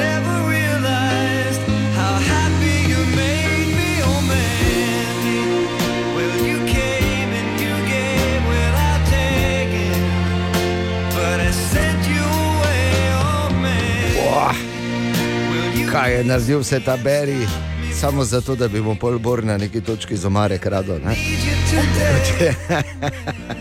No, je, je pa se uh, šest let nazaj zgodil na 18. januar tudi en dogodek, ki je zaznamoval glasbeno zgodovino, namreč na današnji dan pred šestimi, pravzaprav pardon, sedmimi leti. Tam bom vedno težavo prva dva tedna računati, ko se spremeni letnica, verjetno niste edini. Ne? Torej, pred sedmimi leti je žal uh, zaradi komplikacij pri bolezni zapustil veliko prehitro ta svet, Glenn Fry, uh, legendarni uh, član skupine Eagles, uh, soavtor pravzaprav vseh njihovih največjih uspešnic. Imel je tudi dokaj zanimivo solo kariero, ampak uh, kot član Eaglesov je pa. Je pa bil res izjemen, izjemen avtorski duet sta tvorila z Donom Henleyjem in vprašanje, kaj vse bi se še zgodilo, oziroma kaj vse bi od Glena še uspeli doživeti ali pa imeti, ampak pač pred sedmimi leti je šel igrati ritem kitaro in prepeva dvojni veliki bend tja zgoraj, oziroma tja gor. No in uh, zato vedno izkoristim vsako priložnost, da da zavrtimo kako od legendarnih Eaglesov. In tu je ta, v kateri je Glenn Fry pel glavne vokale. Take it easy, dobro jutro. Dobro jutro. Želimo dobro jutro. Dobro jutro. Okay, Ana, pomagaj mi. Uh -huh. uh, poslušaj zdaj to. Na kaj najprej pomisliš, ko to slišiš? Na čričke na morju. Na morje, ne? Uh -huh. Pa kak je fajn, ne? Ja. Pa ko ono vroče, pa ko To je prideš tako, iz ja. vode. Pa... Ko to zaslišiš, potem veš, da se je Imaš, začelo. ne. Ja. Dopust. Tako, no, zdaj je 18. januar, tako da zdaj seveda je eh, še malo prezgodaj, vseeno govoriti o dopustih, ampak zagotovo pa ne na najprej pomisliš, ko slišiš tako čričke in škržate. Ne pomisliš najprej, mm, južna in se začneš oblizovati. ne. Ne, fuj. Zakaj fuj? Naj samo povem, nič več fuj. Že nekaj časa so tudi na ravni Evropske unije eh, dovolili oziroma dovoljujejo uporabo žuželk v prehrambene namene. Od 24. januarja, torej čez šest dni, se na ta seznam pridružijo tudi črički in mali mokarji. Tako da kmalo naj bi bile celo kobilice, eh, moramo vedeti, eh, zdaj vshec na stran, da so, uh, da so žuželke veljajo za zdrav in zelo hranljiv vir hrane. In so znane potem, da imajo visoko vsebnost beljakovin, vitaminov, vlaknin in mineralov. Oziroma, z drugimi besedami, lastovičke že vejo. Ne? Pa daj dejan. Ja, no, zakaj jih mažejo? Veš, Ampak da, to je res. Uh, ja, glej. In to se bo zdaj uporabljalo, se že uporablja tako, da uh, najpogosteje zanimivo v teh energetskih oziroma energijskih ploščicah, veš, ko si misliš, oh, kaj to je. to Kako je čvrsto, ne? ja, to so riž dali. Mhm. No, in hkrati naj vas pomirim, ja, jaz sem uh, probal uh, pražene kobilice. Res? Ja, ja, seveda. In moram reči, da je to bil eden od najboljših prigrizkov, ki sem jih v življenju jedel. Uh, mazno snih, kar bom rekel, tako da so me tam bradate agame po strani gledale. Ampak, uh, ja, tako da tudi to, ne, vedno bolj je pa res, da to hkrati odpira tudi novo polje komplikacij, ne, ker zdaj, ker imaš varuhe za vse, kmalo pričakujemo tudi varuhe za čričke, mokarje in kubilice. Ne jez tega! Tudi živa bitja! Tu bi se jaz kar strinjala. Bomo videli, bo zanimivo v vsakem primeru. Um, dober tek, če imate ravno zajtrk. Ne? No pa daj, no. In Želimo dobro jutro. Dobro jutro. In ne pozabite, recesija je odlična točka za vstop na delniške trge za dolgoročne vlagatelje. Kaj? Ta, to je ta misel dneva. ne. Hva, ja, pa ja, Bor, pa to je to. Jaz sem danes zjutraj sem se zbudil in sem se počutil tako kot dolgoročno vlagateljsko. Ne? Ja. Pol pa pač pogledaš okoli in vidiš žalostno resnico, ki spodbija ta občutek, ampak občutek pa je bil. Tako da te razumem. Če ne drugega, osnovo imamo. Dobro jutro še Dobro enkrat. jutro. Dobro jutro. Dobrodošli, tu je naš kar kul cool ali kar slabo. To je to, ko vsak od nas v jutranji ekipi misli, kak je kul, cool, pa mu druga dva rečeta, da morda je kar slabo, da tako misli. Ne? Dobro, zdaj sem malo uh, razširil, ne? v bistvu gre za to, da vsak pripravi nekaj, za kar misli, da je kar kul cool dejstvo, ampak vprašanje, ali se tu druga dva tako strinjata, pa začne Ana. Ja, po neki raziskavi naj bi ure, ki v reklami prikazujejo čas 10 in 10 minut, bile bolj prodajane, ker kazalci spominjajo na nasmešek, medtem ko pri prodaji popolnoma pogrnejo ure, ki imajo čas nastavljen na 28, ker pol zgleda kot žalostni smejko in pa je naše možgane to prepriča, da pač ura ni vredna nakupa. Deset do pol devet je torej ta ura, Ja, deset do pol devet. je slabo. Ja. Kaj pa, če bi ti kupil uro, ki zares dela, ne pa da se ustavlja na, Ja. na neki številki? Da stoji. V vsakem primeru, za prodajo? v vsakem primeru, jaz bi rekel, ker slabo. Ker slabo. Ja, Že to, da, te, da nas ura priganja skozi življenje in dan, tako. ker slabo. Ne? Ker jih lahko slabo. najdeš celo linijo ja. zdaj. Tako da veš, da tudi lahko rečeš, ne, od danes naprej, hvala Ana, mimo grede, jo, tako se 10 do pol 9 počutim.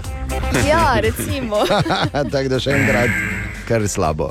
Bor, Jaz sem včeraj dal 40 evrov za vstopnico za koncert, kar me je, bi ti rekel, kaj? presenetilo ne, na eni strani, Ugodno. po drugi strani se pa s tem koncertom zbralo 30 tisoč evrov za program Botrstva. Jasmin Osmanovič in ekipa so naredili koncert Ine Badrič in ta ček tudi včeraj izročili in je bilo kar naenkrat teh 40 evrov zelo lahkotnih. Bravo. bravo. Zelo kul. Cool. Bravo, Jasmin. Zelo kul, ja, res. In uh, čestitke še enkrat. Uh, mimo grede, Jasmin, uh, gospod Jasmin je tudi tak, ki je uh, recimo nedolgo nazaj, če veš, ponudil 250 evrov azilu za živali, doniral, ker smo zavrteli mali šnovcer. ne. Pa je nekdo, naj bi kar s prsti dvakrat zavrtel. ne. Ja, za ziger. za ziger. Ampak eh, ja, zelo, zelo kul, cool, bo lepo, da si sodeloval tudi na tak način. Kaj si kupil Ja, za celo družino? Ali? Pa bom rekel tako, um, Julija je spala, ne? ostali so pa lepo mogli iti gledati. Bravo. A, jaz pa imam Super eno. koncert, mimo grede, Ja. ja. moram povedati, da že, že dolgo tako ne, te malo srce. No. Ja, no. Že dolgo nisi bil nekje, kjer bi lahko razumel dejansko. Ne? To pa so vse. Okay, moje kul cool dejstvo prihaja iz Južne Koreje, kjer so naredili uh, high-tech pošter. Ampak to ne zdaj oni, o katerem smo govorili na cesu, ko se kao miga in ga lahko objemaš. Ne? Ampak high-tech pošter, za katerega bo marsikateri, ker vemo, da ona doma smrči, rekel, aha. In sicer ima vgrajene najprej ene take uh, mikrofončke ne, in cel čas posluša. In ko zasliši, da začne smrčati, se vklopijo taki mali airbagi, ki so noter, veš, in se napihne.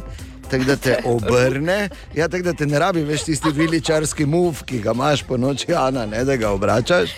Ne? Da, in te pošter samo obrne in podloži, in te tako dolgo podlaga, veš, se tisti napihujejo, pa vun spuščajo luft, da najde pozicijo, ko vtihneš. Jaz to rabim. Svetovno. Dejansko. Ana, ti smrčiš? Ne, mislim, da rabim za Veš, doma. kako Ne? mo- veš, kako mora to smrčati, pa kaj si ti. No. Jaz Tako da jaz bi rekel kar kul.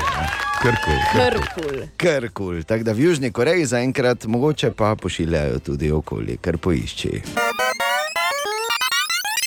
Ena od treh, treh, treh. Jutranji sprehod po zgodovini popularne glasbe. In danes bo Bor zagotovo rekel, da ja, starajo se. Suzana Hoffs je praznovala 64. rojstni dan. Uh, ja. uh, stara se. Jaz pa sem ti rekel, da boš rekel. Ja, ker, 64, ja, je, daj. ja, tako, tako.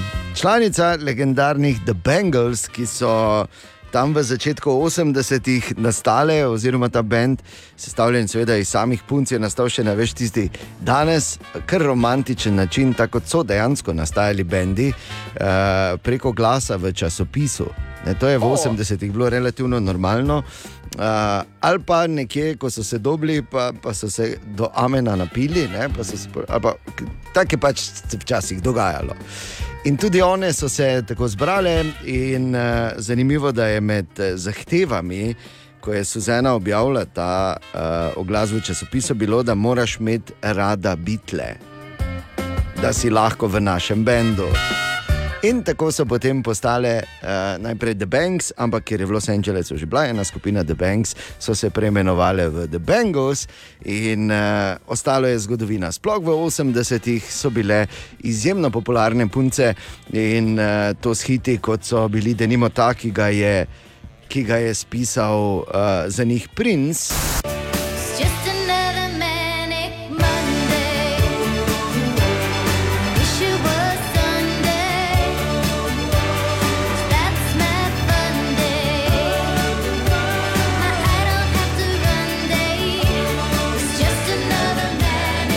Ali pa denimo s hitom In Your Room.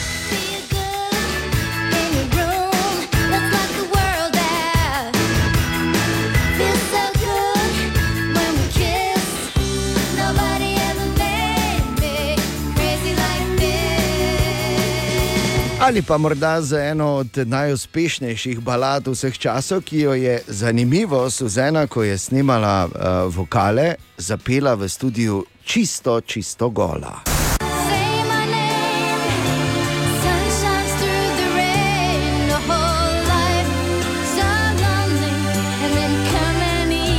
Ma, čist drugi nekaj pa naš. Ne, zdaj. malo, prav, prav gola je pela. Prav gola je pela. Se, Je, na, ne človek kar slišiš? predstavljaš, 64 Ja. let ali ne? Ne slišiš, da je to, to je moglo biti golo zapeto. Čuje se, prav čuje, Res prav, poslušaš, se prav ne, čuje. prav imaš, da veš, da jap, Ja. ja. tako zvenim jaz, ne potušem. Wow. In, ja. In uh, ob eh, 64. rojstnem dnevu Suzene bomo danes poslušali še eno, po kateri uh, se jih spomnimo iz Oh, 80. walk like an Egyptian. Točno to. Od Lukovice proti Ljubljani 13 km dolg zastoj pot podaljša zdaj za 15 km. Previdno na poti po predpisih, če opaziš tudi ti kaj, pa smo tukaj zate na servisu 211 in na naših družbenih omrežjih. Za 15 km podaljša pot To je kar ne. ali 15 no, pač, minut. uh, ne, 15 km je dolg lepo. zastoj. A ja, ok. Ja, no, ker 15 si, minut, 13 km je dolg zastoj, 15 minut. no tako, ker si rekla, da imamo naenkrat 15 km več do Ljubljane, pa me je pač samo zanimalo. Želimo dobro jutro, Bordejan in Dobro pa jutro. prokuristka nizke gradnje Lakota. Teo, Dobro jutro. gradimo ceste in podaljšujemo razdalje. Ljubljano sem predstavljala. Tako za pravkar. 15, nič, nič narobe s tem. Prav, Ana, mislim, Ja, mnogi so poskušali. Veš, kaj pravijo? Daleč od oči, daleč od srca, daleč od problemov.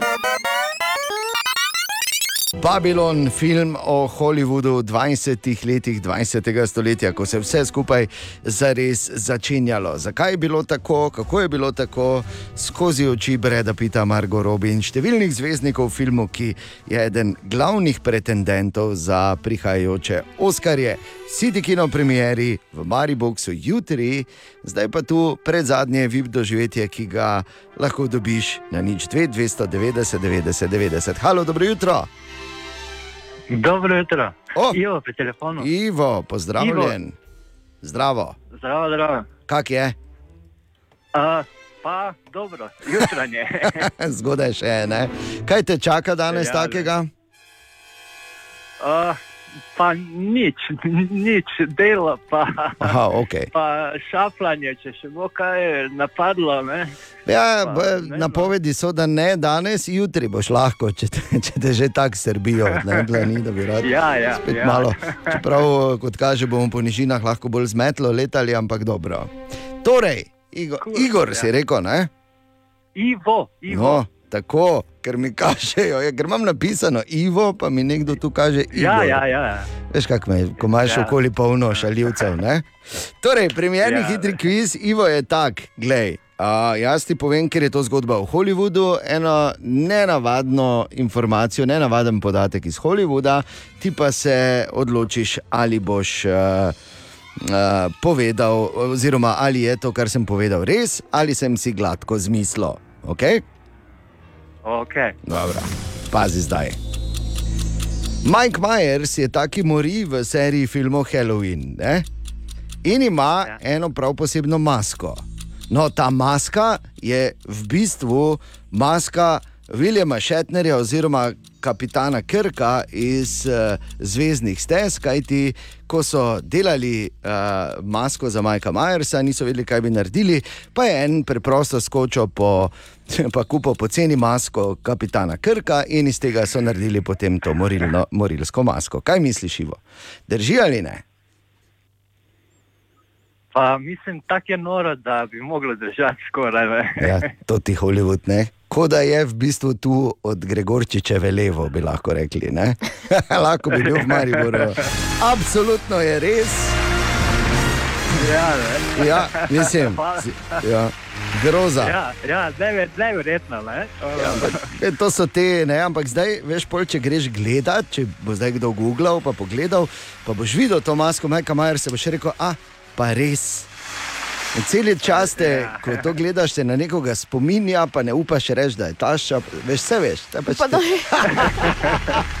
Ja. Ivo, čestitke, Vipovec na naši City Kino premieri boš eh, jutri v Mariboku, se vidimo in uživaj do takrat. Čestitke.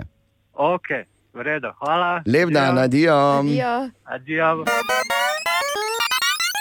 Še enkrat dobro jutro. Dobro jutro. No, naslednja, s katero se bomo prebujali, pa je sicer hit, ki so ga uh, The Heinz posneli za popularno TV serijo, predvsem v Ameriki v 90-ih. Idejo za to pa so dobili na Mariborski občini, ker se baje. Preden vsak stopi k županu v pisarno, sprašuje točno to.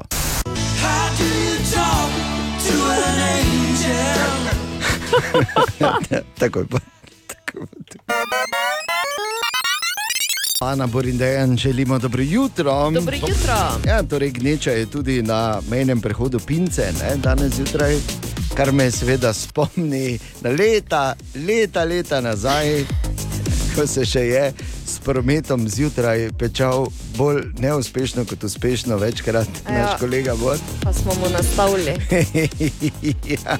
Jaz se ti opravičujem za nazaj. Ja, ko smo z Ano imeli tako imenovani cunning plan, ko je rekla, ko je rekel, Ana, da napišemo noter, da, da je mejni prehod pinče. In je pinče gladko prebral. Seveda, ker zakaj pa ne bi mogel biti kraj, ki mu je ime pinče? To jaz tudi govorim, Bor. Ja. Pa točno to. In V bistvu morda- je na robe, da njemu kraja pinče. Res je, ja. in glede na to, da lahko po novem uh, ustvarjaš ankete in predlagaš vladi marsikaj, zdaj za ena od zadnjih bolj odmevnih je bila ta, da bi seveda zvonjenje cerkvenih zvonov označili za hrup in jih izklopili po noči, uh, da bi dali gor tudi, zakaj ne bi bile pinče. Ja. V bistvu, ne? Daj, če smo Ljubljano Moj glas prej predstavili. s to pobudo. Ja. Ampak Pinče. eh, pri tem mora biti zraven, če v oklepaju voličina, naj ostane voličina, da ne bi tam slučajno kdo. O, Tine! Tine, dobro jutro. Dobro jutro. Dobro jutro. Dobro jutro. Ja, svet je drugačen, ko pride not Tine. To se Ja. ve, ja, ker ve se, da je to malo pred 8, ob 8 pa vemo, ne? se začne za res. Ker malo več lufta pojem, ne? Te pa takoj. Ja, Ne. Plutja, ne? Ne, nisem to razumel tako. Ampak dobro, ja, če hočeš. Ja. Danes Tine ne sneži zjutraj ali si s kolesom. Ne, nisem. Kako to? Pretanke gume imam, pa ni, Aha, varno, ne. ni glih za to ti moj bicikl. Mm. Z mountain bikom bi šel, samo ga ni. Ampak ti moram reči, da sem včeraj popoldan se peljal v tem največjem snežnem metežu in videl enega, ki je stal pri prehodu ne, z kolesom. Pohvalno. Jaz sem si mislil, To pa čast, še ena veš. stvar je, imam sicer tudi taki, veš, montažni blatnik, ko je samo iz zica ven tak. Ja, Aha. Samo v takem primeru ne pomaga. Veš, kako je to osko dejan? To ni nič. Ne bi vedel, ampak hvala.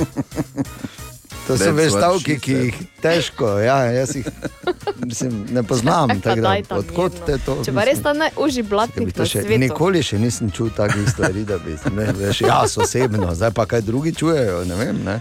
Veš, kako je to osko, da je. Aj, pa daj, no. Kaj je bor? Jaz razmišljam, ne, če imaš bolj kolesarsko mesto, ker tako te poslušam, ne, pa seveda beli rajdes, go, go, go. Um, bi rekel, da pa smo ne, in to na, na kvalitetnejši način kot Amsterdam, ker tam ne, so kolesari nevarni, pri nas ne, so samo hrabri. Pri nas res moraš biti hraber, zato ker mi ne upoštevamo teh narisanih kolesarskih Ne. kot pešci. Ne? in Če priješ pa za cinglaš, to je najslabše, kar lahko narediš. Ja, hvala, to je to življenjsko nevarno. To je- Kaj ti cinglaš? Koliko ti ješ, meni? Kaj- Kje ti ti hočeš? imaš ono, Vam kaj- mrtvo, kaj boš? Sebri. Kaj je? Sebri. Stari. Da ti Ja, prepeknem. počakaj, dam druge povem. Samo res je tako. Podobno. Je je. pa res, da koliko jaz vem, ima Ljubljana kolesarskega župana in če bi v Mariboru tudi uvedli to prakso, ki mislim, da se izvaja celo na ravni Evropske unije, da bi te, ti moral jaz prevzeti kampanjo, ti ne. ne? Čakaj malo, nisi v moji kampanji? Ja, Ti si- sem, ti si izstopal, kaj ti naj? Ja, ti si Ja, pa dobro, pa, si, ne. Propadel si. Kaj pa druga runda? Kakva druga Kakšna runda? druga Ja. runda? Je se je bila druga runda. Vsake štiri leta so volitve. Samo da priješ v drugo rundo, ja, no, moraš v prvi sodelovati. Te bomo čakali za štiri leta. Do takrat pa kaj bomo, vsi mokri po hrbtu, zaradi blatnikov. Ja, zaradi oskih blatnikov. Milo rečeno, nisi najmlajši več. Torej, Tine, kaj imamo za danes? E, hitro, eno živalsko, naslednjič, ko bo. to je to. Ja. To je to. Naslednjič, ko bomo. Ko boste videli pingvine, bo tako, ja, pa je, glej, kak je ping- Ja. pingvini so v bistvu svinje. Ne? So, so. Mislim, tako, ker eh, ne svinje, ampak svije so. Ne? Veš, tak, Kaj delajo? veš, kaj delajo? E, svojega kolega potisnejo v vodo, da preverijo, če so not eh, kakšni Ja, morski psi ali tjulni. Ali Ja. Leopardi, tjulni in ti, ki jih pač tam manijo. ne. Ja. Dejansko tako servo, servo, skak, hop, no, pa ga kikne not, pa, Glede opala, na tu pa izku- se ne bomo kopali. Glede na izkušnje, eh, Bor ne da je pingvin, kraljevi pingvin. In tu je vprašanje za Hi-Effect in nadaljujemo s tako imenovano Tinetovo serijo. Včeraj je namreč eh, pisal poslušalec Tine in postavil vprašanje, da je bil prvi, ki je gledal kravo in si mislil, da če bi jaz to pomolzo pa pil. No, zdaj je spet na jutro na radio CD.js uh, poslal vprašanje, kdo je bil prvi, ki je videl kuro, ki je zlegla jajce in pomislil, kaj če bi jaz to vrgel v Ranglo in pojedel. Lepetine, ki hodi preko vrste, verjetno. Ne, super serijo vprašanje pripravil, tako da. Ker, ker Um, nadaljuj. Je v redu. Ja, seveda, da je jaz, nimam- jaz proti kvalitetnim vprašanjem nič nimam. Ne, Vedno drugo vprašanje v zraku, ne? ali bo Bor zmogel, Ne, ali te- bo, bo to šlo. To si pustimo v bistvu vedno kot presenečenje, drugače pa ti ne, to ni, do, to ni dobro, to je vrhunsko, tako da le nadaljuj. Aha, aha, aha, aha, aha, aha, aha efekt. Po High Effectu pa torej nadaljujemo serijo poslušalca Tineta, ki ima zdaj že drugi dan zapored eh, super zanimivo vprašanje, potem ko je včeraj vprašal, kdo si je zmislil, da bi prvi pomolzel kavo, eh, kavo. Kravo, pardon, in, in pil mleko, je danes Tina vprašal, kdo je bil prvi, ki je videl kuro, ki je izlegla jajce in pomislil, kaj če bi jaz to vrgel v Ranglo in pojedel. Torej, Bor. Torej, za razliko od um, krave, kjer smo rekli, da je bil Joža prvi, tukaj imena nimamo, razlog pa je, ker smo prva jajca jedli pred šestimi milijoni let. Ojoj, Torej, Takrat, če nismo da imamo- imeli taki men, ne? Da je damo, ja, da damo to malo v kontekst. Torej, Homo sapiens, prvi modern človek, je se razvil okoli 300 tisoč let nazaj. Zdaj, uh, Homo habilis, to neko že tako malo znal, nekako orodje uporabljati, pa to ah, 2 milijona pa pol let nazaj. Torej, Avstralopitek 4 milijone let nazaj. Te veš, ki smo mi bili, še pred Avstralopitekom, ko smo že, oh, niti ni rekel on o v glavi, ampak je samo dal kamen v usta, ga vun špukno, kaj je to iz gnezda vun nekaj, a orlbek, jajca v redu. Orlbek, jajca v redu. Je tako nekako je bil ta protokol, po mojem, prvega jajca. Zdaj, mimo grede, v Egiptu in na Kitajskem, to pa vemo, uh, so tudi že imeli prve kokoši. Ker razlika med tem jajco jest iz gnezda ne, in Domače jajco kokoši, misliš? od kokoši. Ja, domače, domačene kokoši. Ne? Ja, kaj, si pa, kaj si pa ti mislil? Ja, ja, no, ker se druge jajce. V prenesenem pomenu. Aha, ne, okej. ne, ne, ne, ne. Tudi Kolumbus, uh, oziroma eh, eh, Kolumb, ki je. Kolumbus. Hvala lepa, Grajner Rus.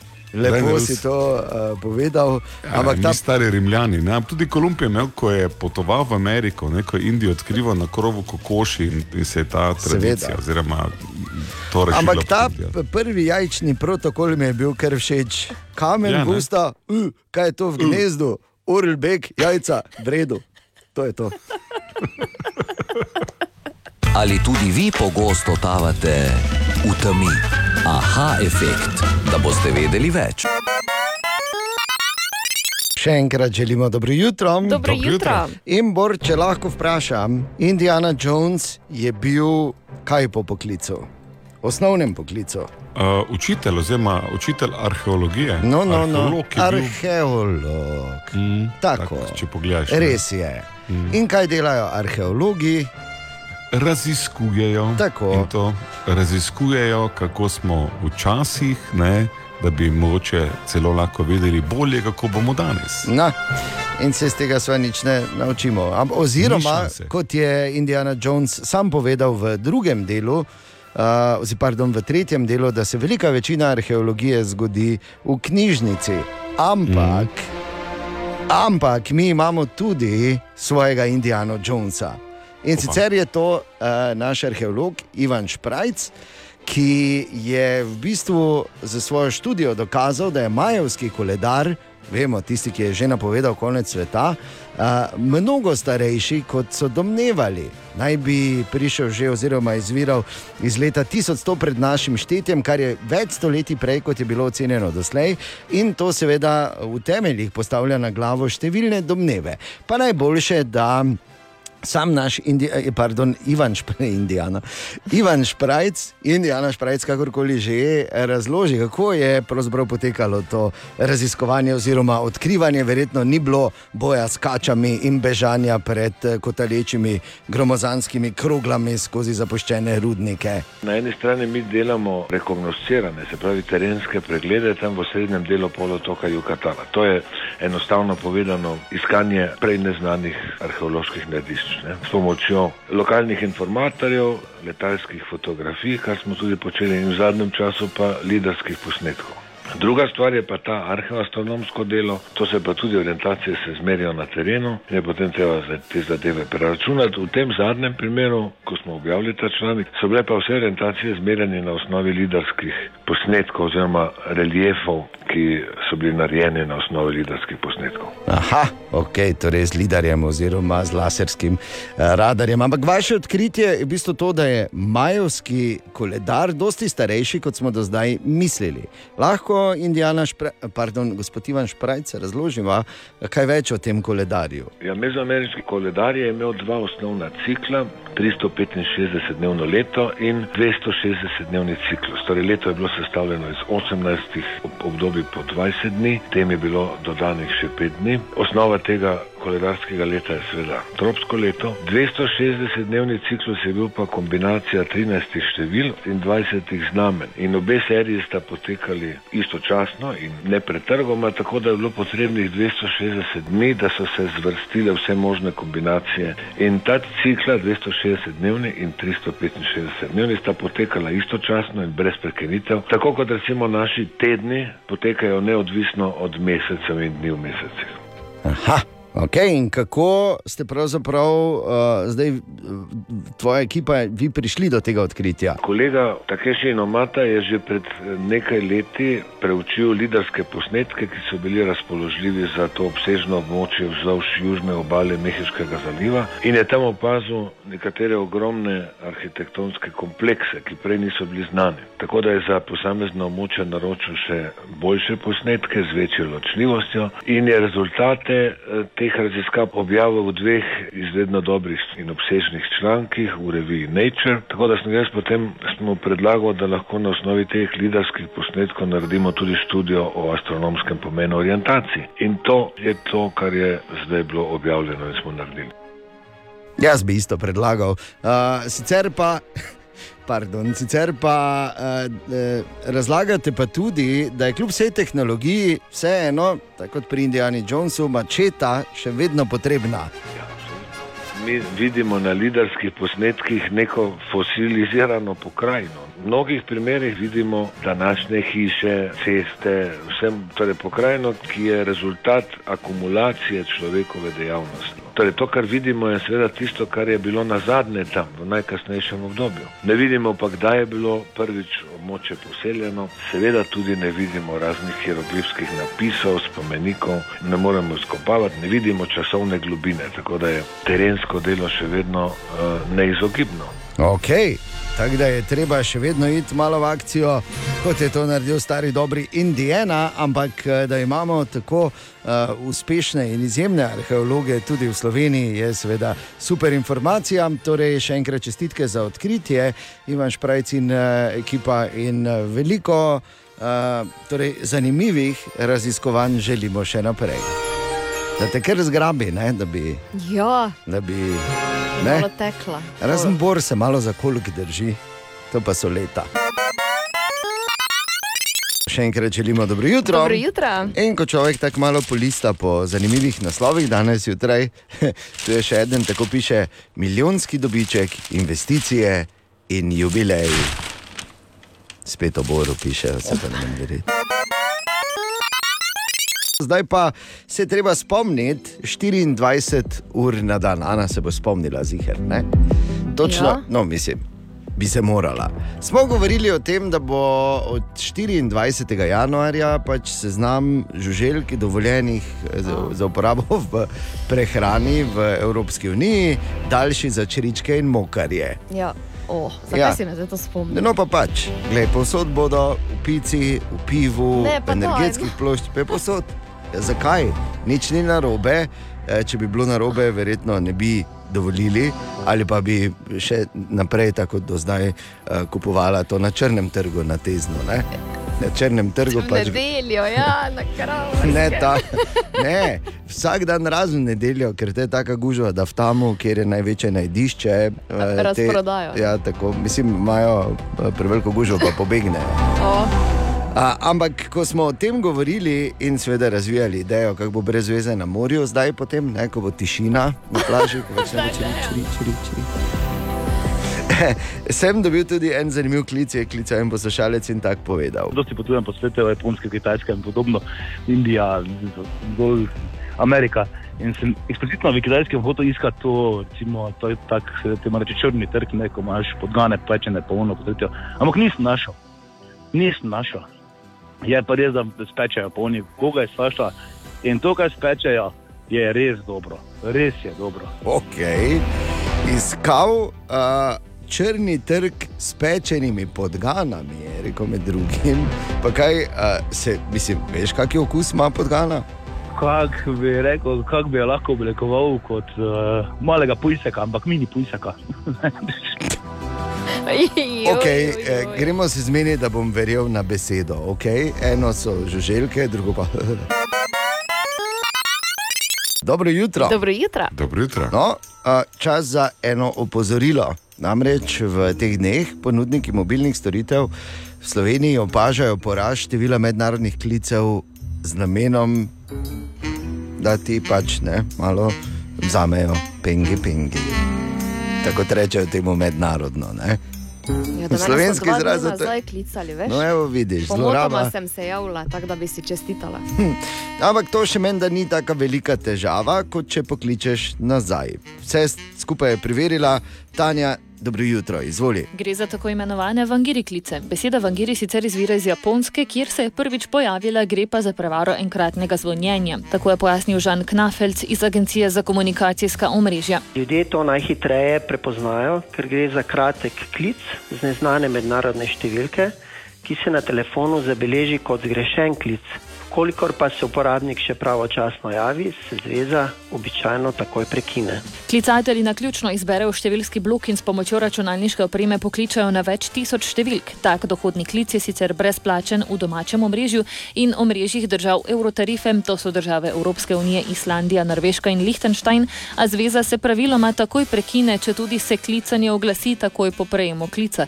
Zloraba se zgodi, ko uporabnik iz radovednosti vrne klic. Je pa ta klic preusmerjen na premijsko storitev v tujini in se obračuna po zelo visoki ceni, kar lahko tudi pomeni nekaj 10 evrov za končnega uporabnika.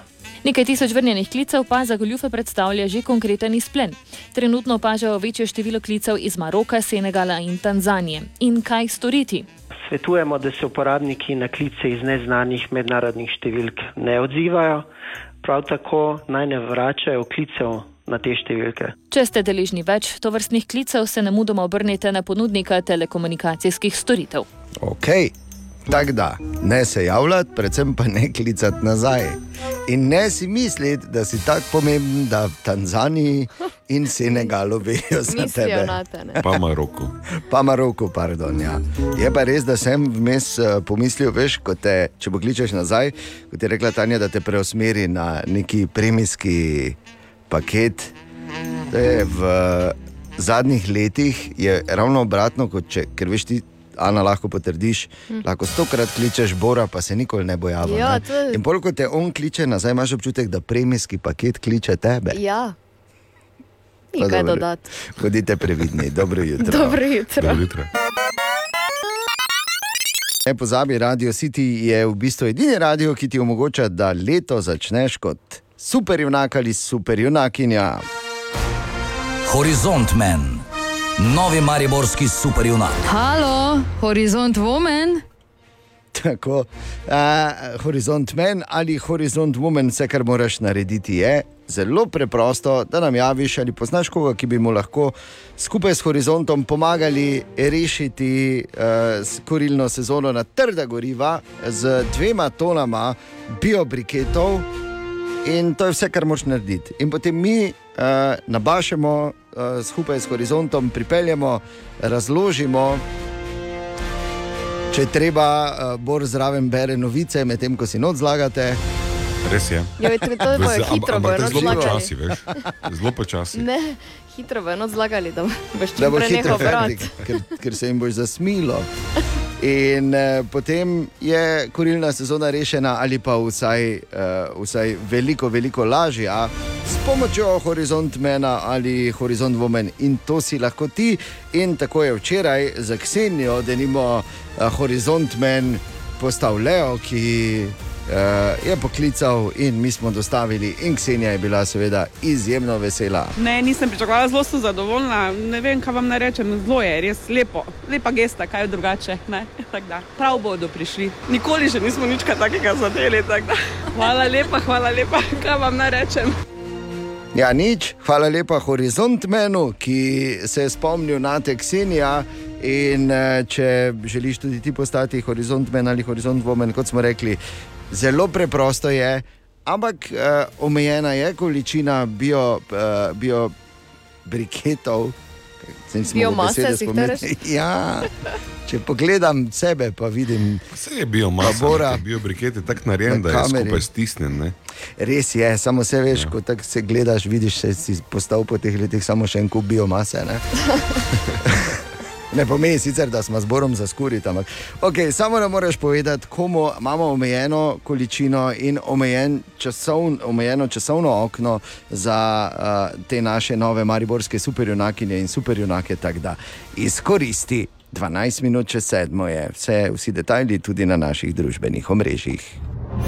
Batman ima Batcave, Superman je povsod, Horizont Man pa je v centru lesne biomase Bioles Horizont. Sedaj je čas za nakup trdih goriv, lesni briketi, peleti, bukova drva. Cene so zdaj najnižje v tej sezoni.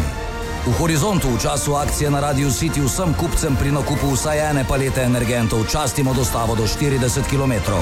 Center lesne biomase Bioles Horizont. Narečja so zakon. Ha, kva, koga, kaj? Ma ne razumem. In točno tako govorimo pri nas vse skozi, ker nas to sili, Marko Fras. In zdaj smo tako daleč, da že vsi to res verjamemo. Ne, Pa da kaki si, Ne, pa če čist- fino. res je, super. In Marko, dobro jutro, kaj smo na zadnje iskali? Dobro jutro. Servus. Na zadnje smo iskali narečne verzije te povedi. V breg je gonil kot nor.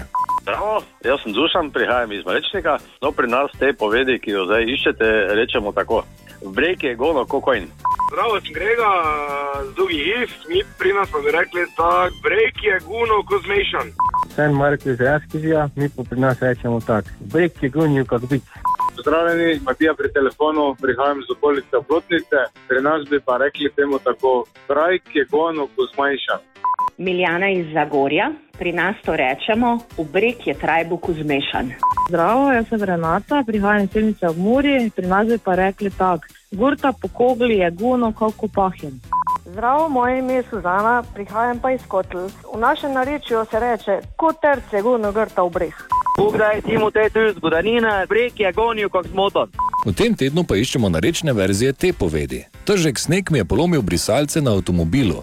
Kaj pravite vi trije? Zadevka, zabrač in začavna. Zadevka. Najprej mi povej, Ana, kako bi vi na tezno temu rekli. Trdi sneg mi je zlomal brisalce na avtu. Ni šajm višere. Ja, tudi lahko. Ja. Šajm višere, ne? Sneg mi je šajm višere polamo. Ja. To bi bilo recimo. Ja. Ampak uh, seveda v vsakem narečju se verjetno te, zagotovo temu reče drugače. Z veseljem čakamo, da slišimo, kako se to reče v tvojem narečju. Mi pa čakamo, Marko, da nam razložiš, kaj si nam rekel v stari prekmurščini. Zadevka je ovira ali prepreka, zabrač je volivec, začavna pa je začetek. Ja, problem je, če imaš zadevke na, na zabraču. ne.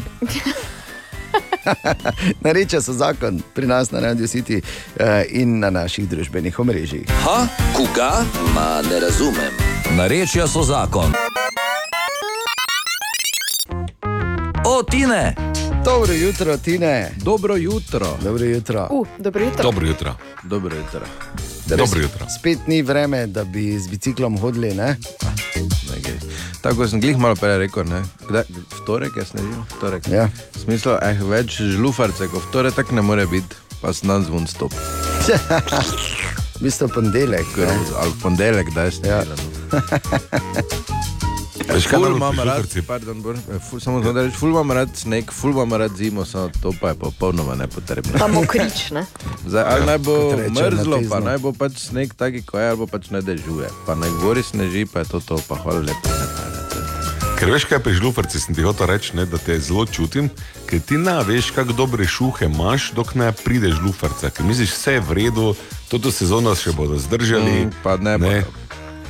Ne, ne, ker narediš dva koraka po žlufarci, pa je vse mokro. not, Ne? Ali se meni zdi, Tine, da Bor še kakih 10-15 let nazaj sploh ni poznal izraza žlufarca? Ali imam jaz uh, to tak, neki medl, tak meglini spomin, imam, da smo se pogovarjali, pa kaj Res? to je. Pa, Vse se pa jaz naučim vseh teh tujih jezikov, ne, od totih Pa tedenskih. ti si od ponedeljka sploh bil v Uni že? Kako to misliš od ponedeljka? se Ja, od katerega? Ja. To tega, zdaj ko je snežilo, ko je žlufarca v Uni. Vse pa te človek ne more vsak dan ven hoditi, kaj smo kaj Točno to, Ja, točno res to. je, Katastrofa. Kaj imamo danes, Tine? Uh, ena taka zanimivost, veš, ko je kao ful zanimiva, bolj pa tako, ko sem jo prebral, tako, uf, fajn, pa pa tak, zakaj? Mislim, verjetno bo zdaj marsikdo rekel, kako je kmet si ti, ne, ker ne razumeš, ampak pač Kaj, živalska? Ne, ni. Meni zdaj to res ne predstavlja nič kaj takega. In sicer eh, švicarskim znanstvenikom je uspelo s pomočjo superračunalnika zračunati število pi na 86,2 trilijona številk. Pa kaj si ti no? In zdaj, je in nedeja? Kaj imamo mi zdaj od tega točno? Kaj? ja, kaj imamo?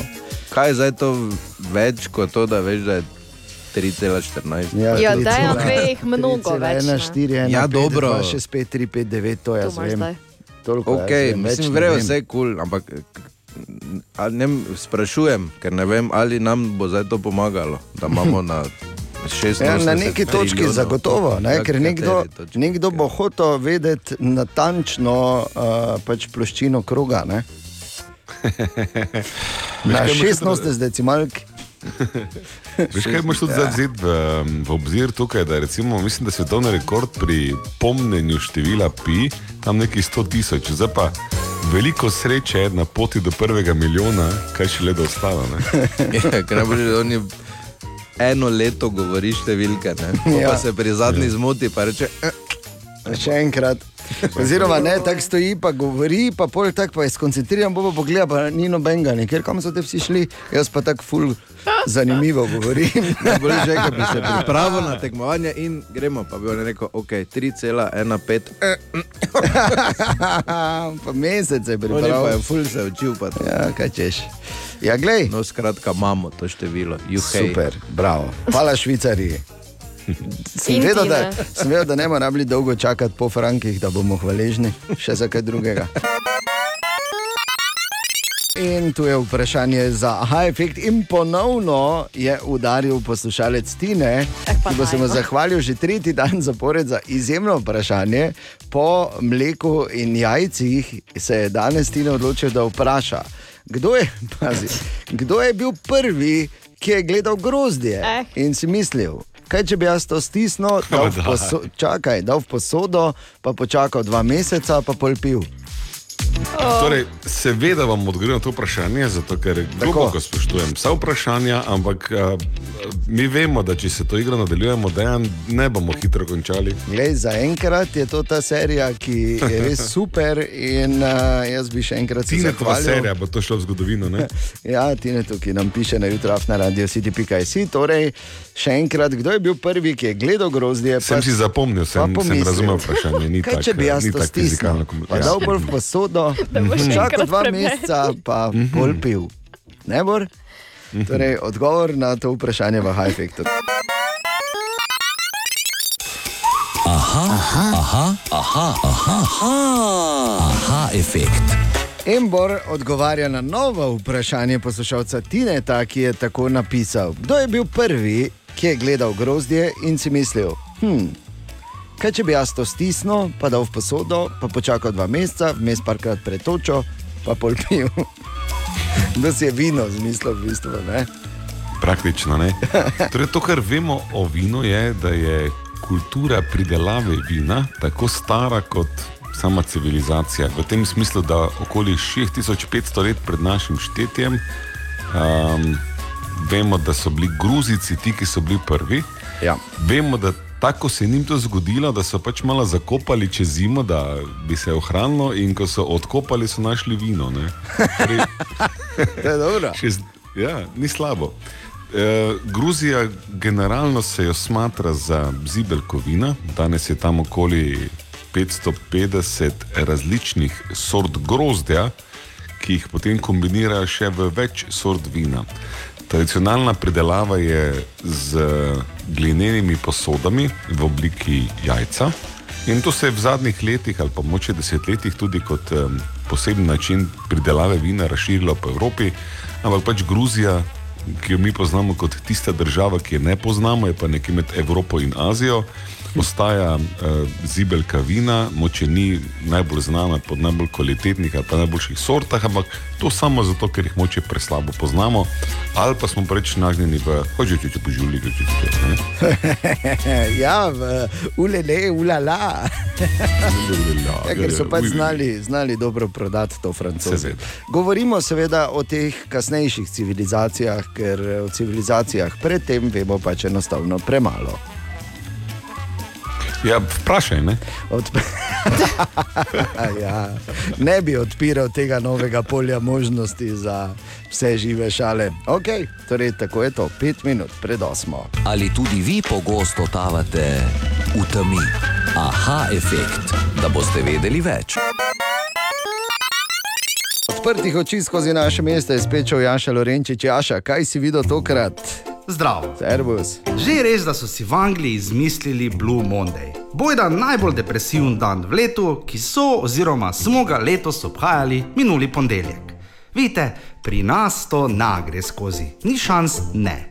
Mi v Mariboru znamo iz vsakega dneva narediti nekaj posebnega, ne depresivnega. Dovolj je, da vidiš recimo gospe, kako bo osmi zjutraj telovadijo v parku. Ali pa da greš popoldan v trgovino in že skušaš biti tečen, ono januarsko tečen, požnjariš. Ker je vrsta, pa ker tuhtaš, kak boš zvoza sploh live, pol se ti pa za tabo še neka gospa vmes ušunja. Cela vesela, ampak čist tiha. Veste, je bila že gospa prej tu, se ne boste zamerili, ne? Je rekla trgovka. In ko sem hotel reči, da je v redu, vse ni problema, se je pa ta gospa, ki se je ušunjala, skoraj razjokala. Malo prej sem babica postala ludi babica. Za kaki trenutek smo vsi počakali, pol pa vsi skupaj, čeprav totalni neznanci. Ja, čestitamo, ja, bravo, pa naj bo čim bolj zdravo dete.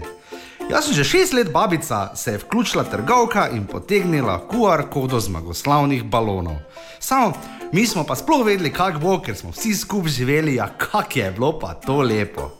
In če kaj, je ravno nekaj takega, tak face mariborskega. Ni pa je januar.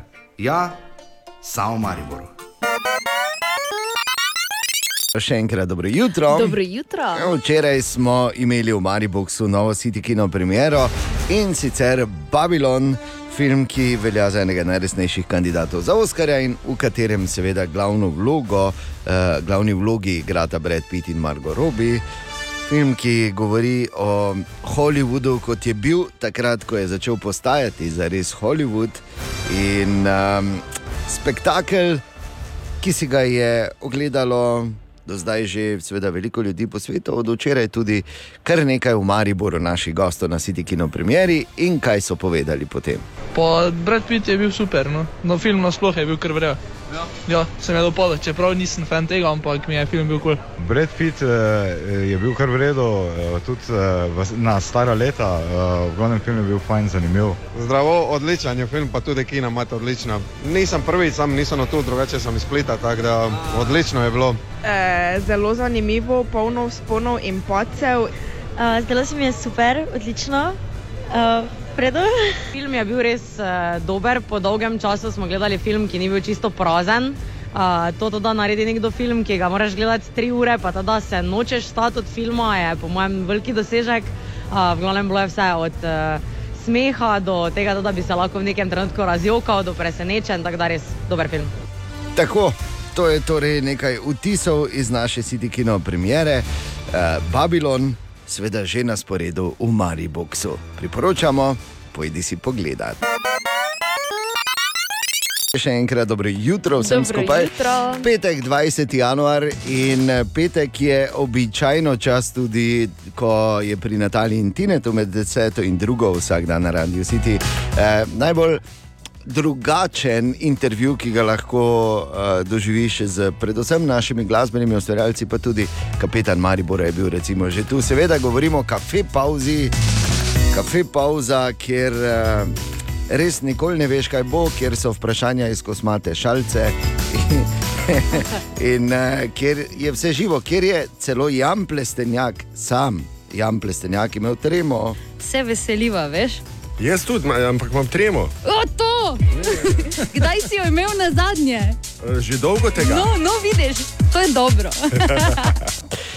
Ali pa recimo v katerem uh, kafe pauza, v kateri je Stefanijo iz Popstars United uh, rabo nekaj časa, da je uh, prepoznal Natalijo, ki se je očitno v teh letih tako spremenila. Izgledate pa isto, kot pa ste izgledali takrat. tako da nek- Ja, pa če pa res. Ti si tudi ista. Ja, dobro. Hvala. A veš, da šele po pet, pet minut pogovora sem videl, da si je ti. Hvala, da si pomaga, da si očala dal dol. Podanske ure niso tvoje, ne? Jaz bi rekel, svetovno srečo imamo, da si tu, veš? Mislim, da si naredil vse. Ali pa eh, recimo v kateri je Tine eh, razložil Žanu Serčiču, da je njemu počela struna, čeprav sam ni vedel. Je v Ljubljani nekaj bilo, pa sam si bil, pa strunate, počela, ker je bilo posneto. ga. Samo žal ne ve. Struna mi res ni počela, to si Ja, je ti struna, gremo se staviti. To je ne. Gremo se staviti, da je tebi struna počela. Ali pa uh, kafe pauza, ko je denimo uh, Zoran Predin razložil o svojem indijanskem imenu. To je indijansko. Aha, ne, indijansko Zoran, je. ne. A resno? Ja, ja. A, evo, to pa nisem vedela. so, mislim, da so apači. Ne. Dejansko, indijansko. Ja, nisem vedela. pojem- Ne, se se zdaj bavi. A da, pa kako bilo, ne, smo ne? verjela. Res je, res se pravi, čuješ. Štajerski indijanc, dobro je. Štajerski indijan. Ne, resno, zdaj, jaz sem bil vedno za indijance, ne za kavbojce. Ne. Če bi že moral kje biti, kakšni kavbojci, bi bil, ne bi bil nikoli šerif, ampak bi bil taki črno oblečeni s srebrnimi pištolami. Odpadnik, ne. Ja, taki, taki, ko bi pol punce bile zaljubljene od njega. Ne, Ti- ker šerifi se pol zredijo, pa, ja, pa so dolgočasni. Ja, vse to smo že do zdaj slišali in še v- toliko več vsega v preteklih kafe pauzah. Danes pa pride uh, Natalin. Um, Ne ravno so vaščana, ampak tam od blizu, no? Natalija, ki je spodne Vižinge. Danes pride uh, Mate Brodar oziroma Mate Bro. Lepo zdrav, moje ime je Mate Bro in lepo vabljeni na kavo v petek ob 11. na Radio City. Tako, kafe pauzi, torej danes Mate Bro pri Nataliji in Tinetu, ne zamudi. Dobro jutro. Dobro jutro. Dobro jutro. Dajmo se malo zavedati ene minute. Ene minute. To je, se veš, tarča, ki si jo lovil na začetku karijere, drugače pa nekaj, kar znameniti, ker hitro, pazi, sta pripravljena. Nikoli dovolj, ampak da. Daj. Dajmo se zavedati minute, čakaj, tri, štiri, zdaj. Ne, ne, ne, ne, ne, ne, ne, ne. Res? Ja, ja dajmo se, zav- čakaj, se še pride. To je razlog, zakaj zdaj se samo minute zavedamo. Da je ta minuta, ki se je moramo zavedati, teče. Se Ne? zavedam. Okay, se zavedaš, dobro? Ja. Minilo je 20 sekund te minute, ki se jo moramo zavedati. da Ja. Čas drugače teče, ko se ga zavedaš. Ne? To je mogoče nauk, ki smo ga dobili v teh 30 sekundah minute, ki se moramo zavedati. Zavedaj se minute. Uh, je bilo kar strašljivo, si predstavljaš, da prideš Oh, tako bor, ti joj. ko greš spovedi, ne vem, kako imate, ko vas pop, pop not povabi. Pa. Pop. zavedaj se minute. Evo, pazi, čakaj. Ja, še- to, tak, tak reče pop. Zavedaj se minuta. Tako. In v tem trenutku je ta minuta minila. Joj. Evo, to je bila minuta. Minuta vaših življenj, ki sem vam jo ukradel in je nikoli več nazaj ne dobite. Ampak eh, samo z namenom. Veste, kaj se je vse zgodilo v tej minuti? Na spletu zdaj. Ne, minute, ki smo se je zavedali.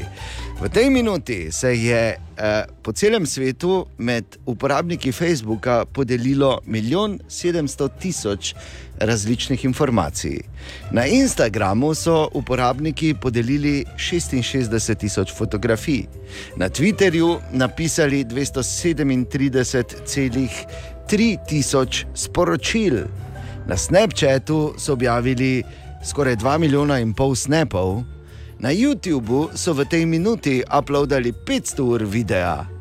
16 milijonov SMS sporočil je bilo poslanih, na Googlu je bilo 6 milijonov različnih iskanj, poslanih je bilo 231 milijonov in pol e-mailov, na Amazonu so porabili skoraj pol milijona dolarjev v tej minuti, preživeli skoraj 105 ur, 105 tisoč ur na Zoom sestankih, pogledali ljudje po svetu v tej minuti za en milijon ur video vsebin in pa, ja, uporabnika, mislim, to je za uporabnika Tinderja. Vemo, kdo je to, ne, naš jutranji bi. Bor. So swipnili 1,1 milijon krat. To vse ja. je bilo v tej eni minuti. Impresivni podatki dogajanja, ki ga res, res, res lahko zamudite. Vsaj večino tega, ampak ja. tudi če, če se ti zavedaš minute in se odločiš porabiti drugače, to ne spremeni preprostega dejstva, da se to zgodi. Vsako minuto na internetu in vsako minuto so številke samo večje. In kaj bo zdaj, kaj je? Veš, kaj bo vsaj eno minuto nam je uspelo, da nisva v tej statistiki. Ker Lepo, smo ne? čakala, kaj bo. Sta pa eno minuto poslušala zanimive besede in se naučila kaj zanimivega. Vidiš? Ali pa pač eno minuto še enkrat več beg vrgla, ampak če kvalitetno beg vržeš, ne, Je še vedno boljše. Ne? ja, dobro dol preleti, ko pa da preleti na tebe. Dobro jutro. Dobro jutro.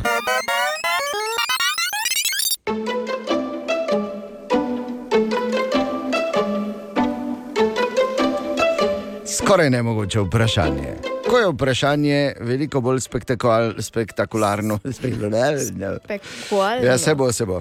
Od odgovora in tudi tokrat, seveda, korenini v statistiki narejeni v Evropski uniji, kar, kar pomeni, da v to zapadamo tudi mi. S tem, da tokrat zgleda, Ana, da bo to zmaga brez boja, ker ja, če pa bo rešil in ga absolutno ni nikjer, se je vstrašil, verjetno. Ne? Če to je bila moja taktika, da kavo menim, on se spomni in potem In gre. gre, ne? in pol pač eh, dobi ta stari fokus, ne, ko je samo žal. eno stvar, pa nič drugega.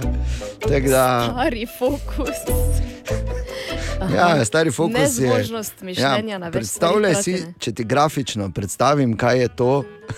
to je veš, tako imaš običajno veja. Ne?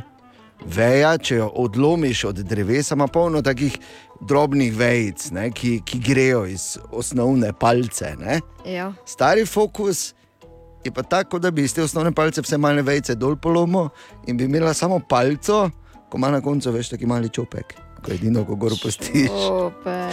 No, to je približno. Ne? Hvala za ta plastični. Ja, ni problema, ni problema. Torej, skoraj nemogoče vprašanje, uh, Ana, ker je Bor očitno odstopil, bom rekel samo tako. Um, danes je Čakaj. bilo pripravljeno. Kaj? Tu je.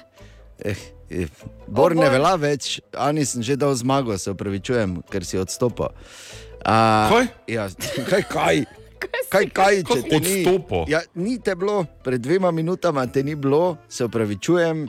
Ja, si bil Ana- odstopljen, ali kaj? Ja, seveda, meni je zelo žal. Ampak, Ana, samo še za potrebe, da vidimo, če ti lahko damo zmago danes ali ne. Torej, skoraj nemogoče vprašanje je, da so v Evropski uniji dognali, da če narediš to, si lahko s tem podaljšaš življenje za tudi do dve leti. Kaj je to? Statistično gledano. Če narediš to, si podaljšaš Ja. življenje Za- dve leti. Ja, tako. Za dve leti v povprečju. Ne. Kam ti, Bor, odstopljen si bil? Vem, ampak ani pomagam. Ne, ne moreš. Spiš 8 ur na dan. Ne, še dva poizkusa. Če narediš to, si lahko življenje podaljšaš. Zjutraj spiješ kozarec. Ne, a, a. Še en poizkus. Službo. Ja, to bo pa kar smiselno, Ne. samo ni. Ne. To bi bilo več let. Ja. Samo o dveh letih se pogovarjamo. Eno samo, samo to je dosti. Ja, ja, seveda je, seveda je. Vsaka minuta je dosti, kot smo se danes Se zjutraj Ja. poročiš? Le za to Se kontraproduktivno. poročiš, viš, Bor, če ne bi bil odstopljen, bi zdaj zmagal. Resno, Ja, se tako poroči, pa- pa... kaj te čaka. Ja, tako, ja, res, kaj te čakaš, ker si res 30, zdaj pa, zdaj pa zadnji čas, da začneš vsako leto loviti. Tri leta zaročena, to No. še ne huje. Ja, to pa gre v minus. Skratka, Bor bi zmagal, si videl? Zanimivo. Kaj, Res, ali kaj? Ja, Ja, dajmo nov aplaus. ok, naj mu bo. Ampak ne štejemo ti zmage. Boš pa dve leti dlje živel. Glavno, si življenje dve leti dlje. Je že porabo ta bonus. On je vnaprej porabo. Tako da zdaj iščemo dalje, da minus pokrijemo. Bor. Naslednja. Bravo, Bor. Želimo dobro jutro. Dobro jutro. Dobro jutro. In- Naj predn gremo naprej, podelim z vami, kaj se mi je pravkar zgodilo v domačem okolju. Ja. Ne morem, oprosti, moram, moram. Prinesla je seveda kavo, ko sem pes zadrl, ne prepozno, ker sem tako že zmagal v kvizu. In potem sem dobil pa krov z tem stavkom. Krov za zajtrk, pogumno. Mm. Kdo je drugi, edini človek na svetu, ki bi kaj takega lahko rekel meni? Ja, ja, ja, ja. Tvoje fore so se, tvoje Daj. fore so se v palačo noter so se Prosim, če ženi daš high five. Ja, dobi high takoj- five, daj. Ja, daj high five, prosim. Ampak, eh, Pogumno je na večjih nivojih to, da ti ješ krov za zajtrk. Ne? Najprej, ko ja. pogledamo tvoje zobovje. Torej, pardon, to je pa že razvijamo šale, to pa zdaj že grdo. Ne? Ja, ampak lepo, viš, kako te tako to razveseli zjutraj, pa je takoj drugačen dan. Ne? Želimo dobro jutro. Dobro jutro. jutro. Torej, skovanka leta bor vedobežnik. Ja, Lepo, lepo. Skovanka lanskega leta, oziroma novotvorenka. Ja, ja, novotvorenka. Vedobežnik. Neologizem. To pomeni, da bi bila epistemofob, ne? Ja. To imaš ti rad. Ja, v vsakem primeru je tu odpira široko polje možnosti. Ne? Kot je, Ja. če je vedobežnik, je bolj trdobežnica. Kaj pa bi te to bilo? No, no. razmislimo. O, Tine! Ja, dobro jutro, Tine. Servus. Zdravo. Oh. Zdravo, zdravo. Oh, oh. Zelo Kaj, podobno. Grajner, boš pozdravil ti? Se pozdravlja, samo samega sebe, ker se ne Kima, sliši. bolj kima. Zelo tiho te pozdravljam s kimanjem. Veš, Ra- lahko se radio strinjam. Če nisi vedel. To že malo. 8 tednov, če nisi vedel. 8 tednov že. Aj, ja. Ne vem, vem. Aj, Ja, ja bi rekel, vsi kar vemo, da je 8 let, najbolj let. pa 8 tednov. Če zato smo dobro, se niste zaskrbljeni. edini, se, se vsi vam vlečete z nečesa po, ne, po tem januarju, se mi zdi. Zdi se ti, ja.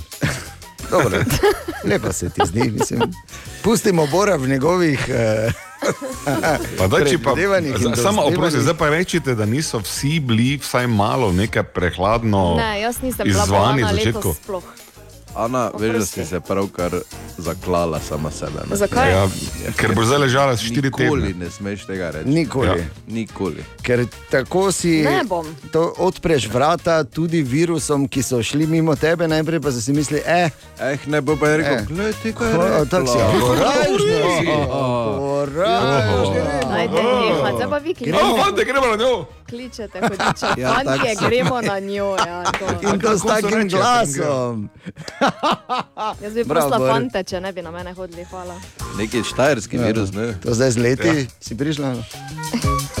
A, daj, daj. Torej, uh, Tine, kaj imamo danes? E, Tako samo malo, da eh, si lažje predstavljamo, recimo, kako hitro je, če bi se vozili z svetlobno hitrostjo. Kar se seveda ne bomo, ker Kar vemo, ne bomo, da je pol nismo- masa, ne, ker masa narašča v neskončnost in bi nas eh, razneslo. Ne. Ja. Rečemo, privzamemo hitrost tik pod svetlobno. Dobro? Ne, svetlobno. Je ne moramo, ne, ker nismo fotoni. Pa delaj se, da lahko. Kaj si Kitajci, če sem rekel, če bi lahko. Je pa ne moramo. Je pa... Okay. Vem, da ne moremo, ampak če bi lahko. Okay, če bi lahko, ne, privzamemo, da smo fotoni. okay.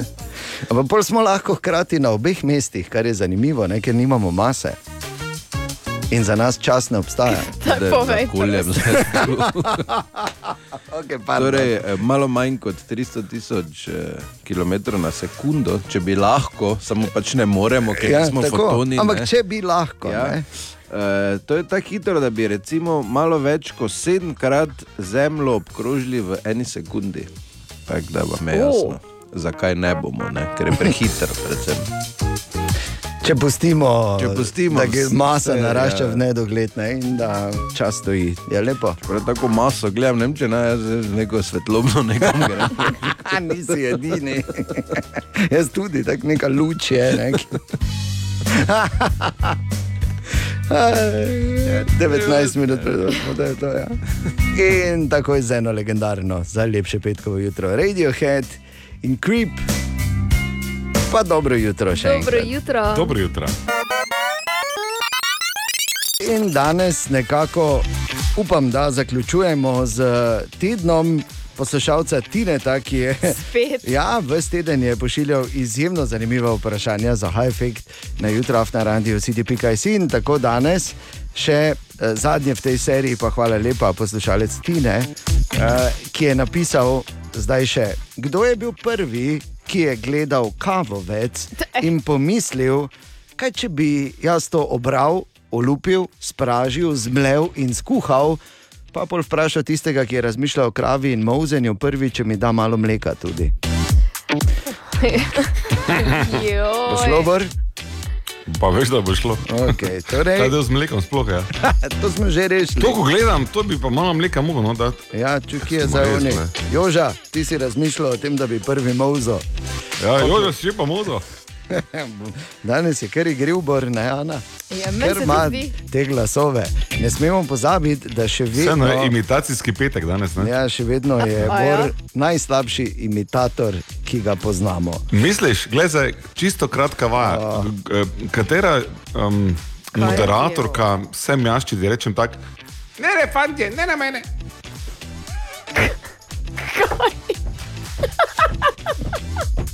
Ja, no, vidiš, tako vsi vemo, vidiš, vidiš.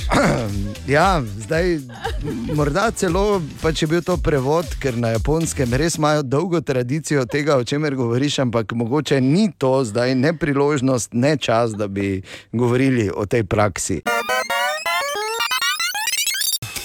Aha, aha, aha, aha, aha, aha, aha efekt. In danes zaključujemo krok vprašanj poslušalca Tineta, tokrat z vprašanjem. Kdo je bil prvi, ki je gledal kavovec in pomislil, kaj če bi jaz to opravil? Obral, pardon, ne oprav, obral. Tudi Olu- opral, Ja, verjetno. verjetno. Olupil, spražil, zmlel in skuhal. Kdo je torej prišel gor, da bi lahko kavo pili? Bor? Najprej Tinetu, hvala za zanimivo serijo ta teden. Kar Ja. se pa kave tiče, najzgodnejši dokazi o tem, da se je kava konzumirala, prihaja iz države, ki danes rečemo, ali pa zemlja, kjer je danes Jemen. Sredi 15. stoletja so sufijski mojstri uje, eh, vzeli. Katerih članci tudi ti bil? Ne? Pa, niti, ne, niti ne. Kje uh, so vzeli semena kave in jih tudi pražili še in iz tega kuhali kavo, podobno kot uh, s kavo delamo danes. Tako da že pravzaprav uh, dolgo časa kavo pijemo po isti metodi. Še pred njimi pa so v Etiopiji nomadska plemena žvečila zrna kave. Tako da, um, tako kot danes kavo v Evropi pijemo, oziroma zato, da jo sploh pijemo, so pa benečani zaslužni, ker seveda je kava prišla v Evropo skozi beneške trgovce iz eh, Afrike in leta 1600 je papež Klement VIII tudi blagoslovil pijačo da je bila bolj spremljiva za evropske trge. Ampak že sufijski mojstri in pred njimi nomadi v Etiopiji so to žvekali za boljšo koncentracijo, tako da nič novega. Ne? Kar se tiče mleka, ta, To- ta del to zgodbe, ne, ki je to ja. Jože zraven prinesel, kot smo se Aha. zadnjič naučili, je malo bolj um, temen, ampak eh, mleko v kavo dodajamo šele zadnjih par stolet, ker Še. je nova pogotavščina. Okay. In morda samo še, da razčistimo še, še to, ne, ni, eh, ni Bor bil uh, sufijski mojster, on je bil prvi derviš. Ali tudi vi pogosto totavate v temi? Aha, efekt, da boste vedeli več. Dobra, mali in stari. Podcast jutranje ekipe.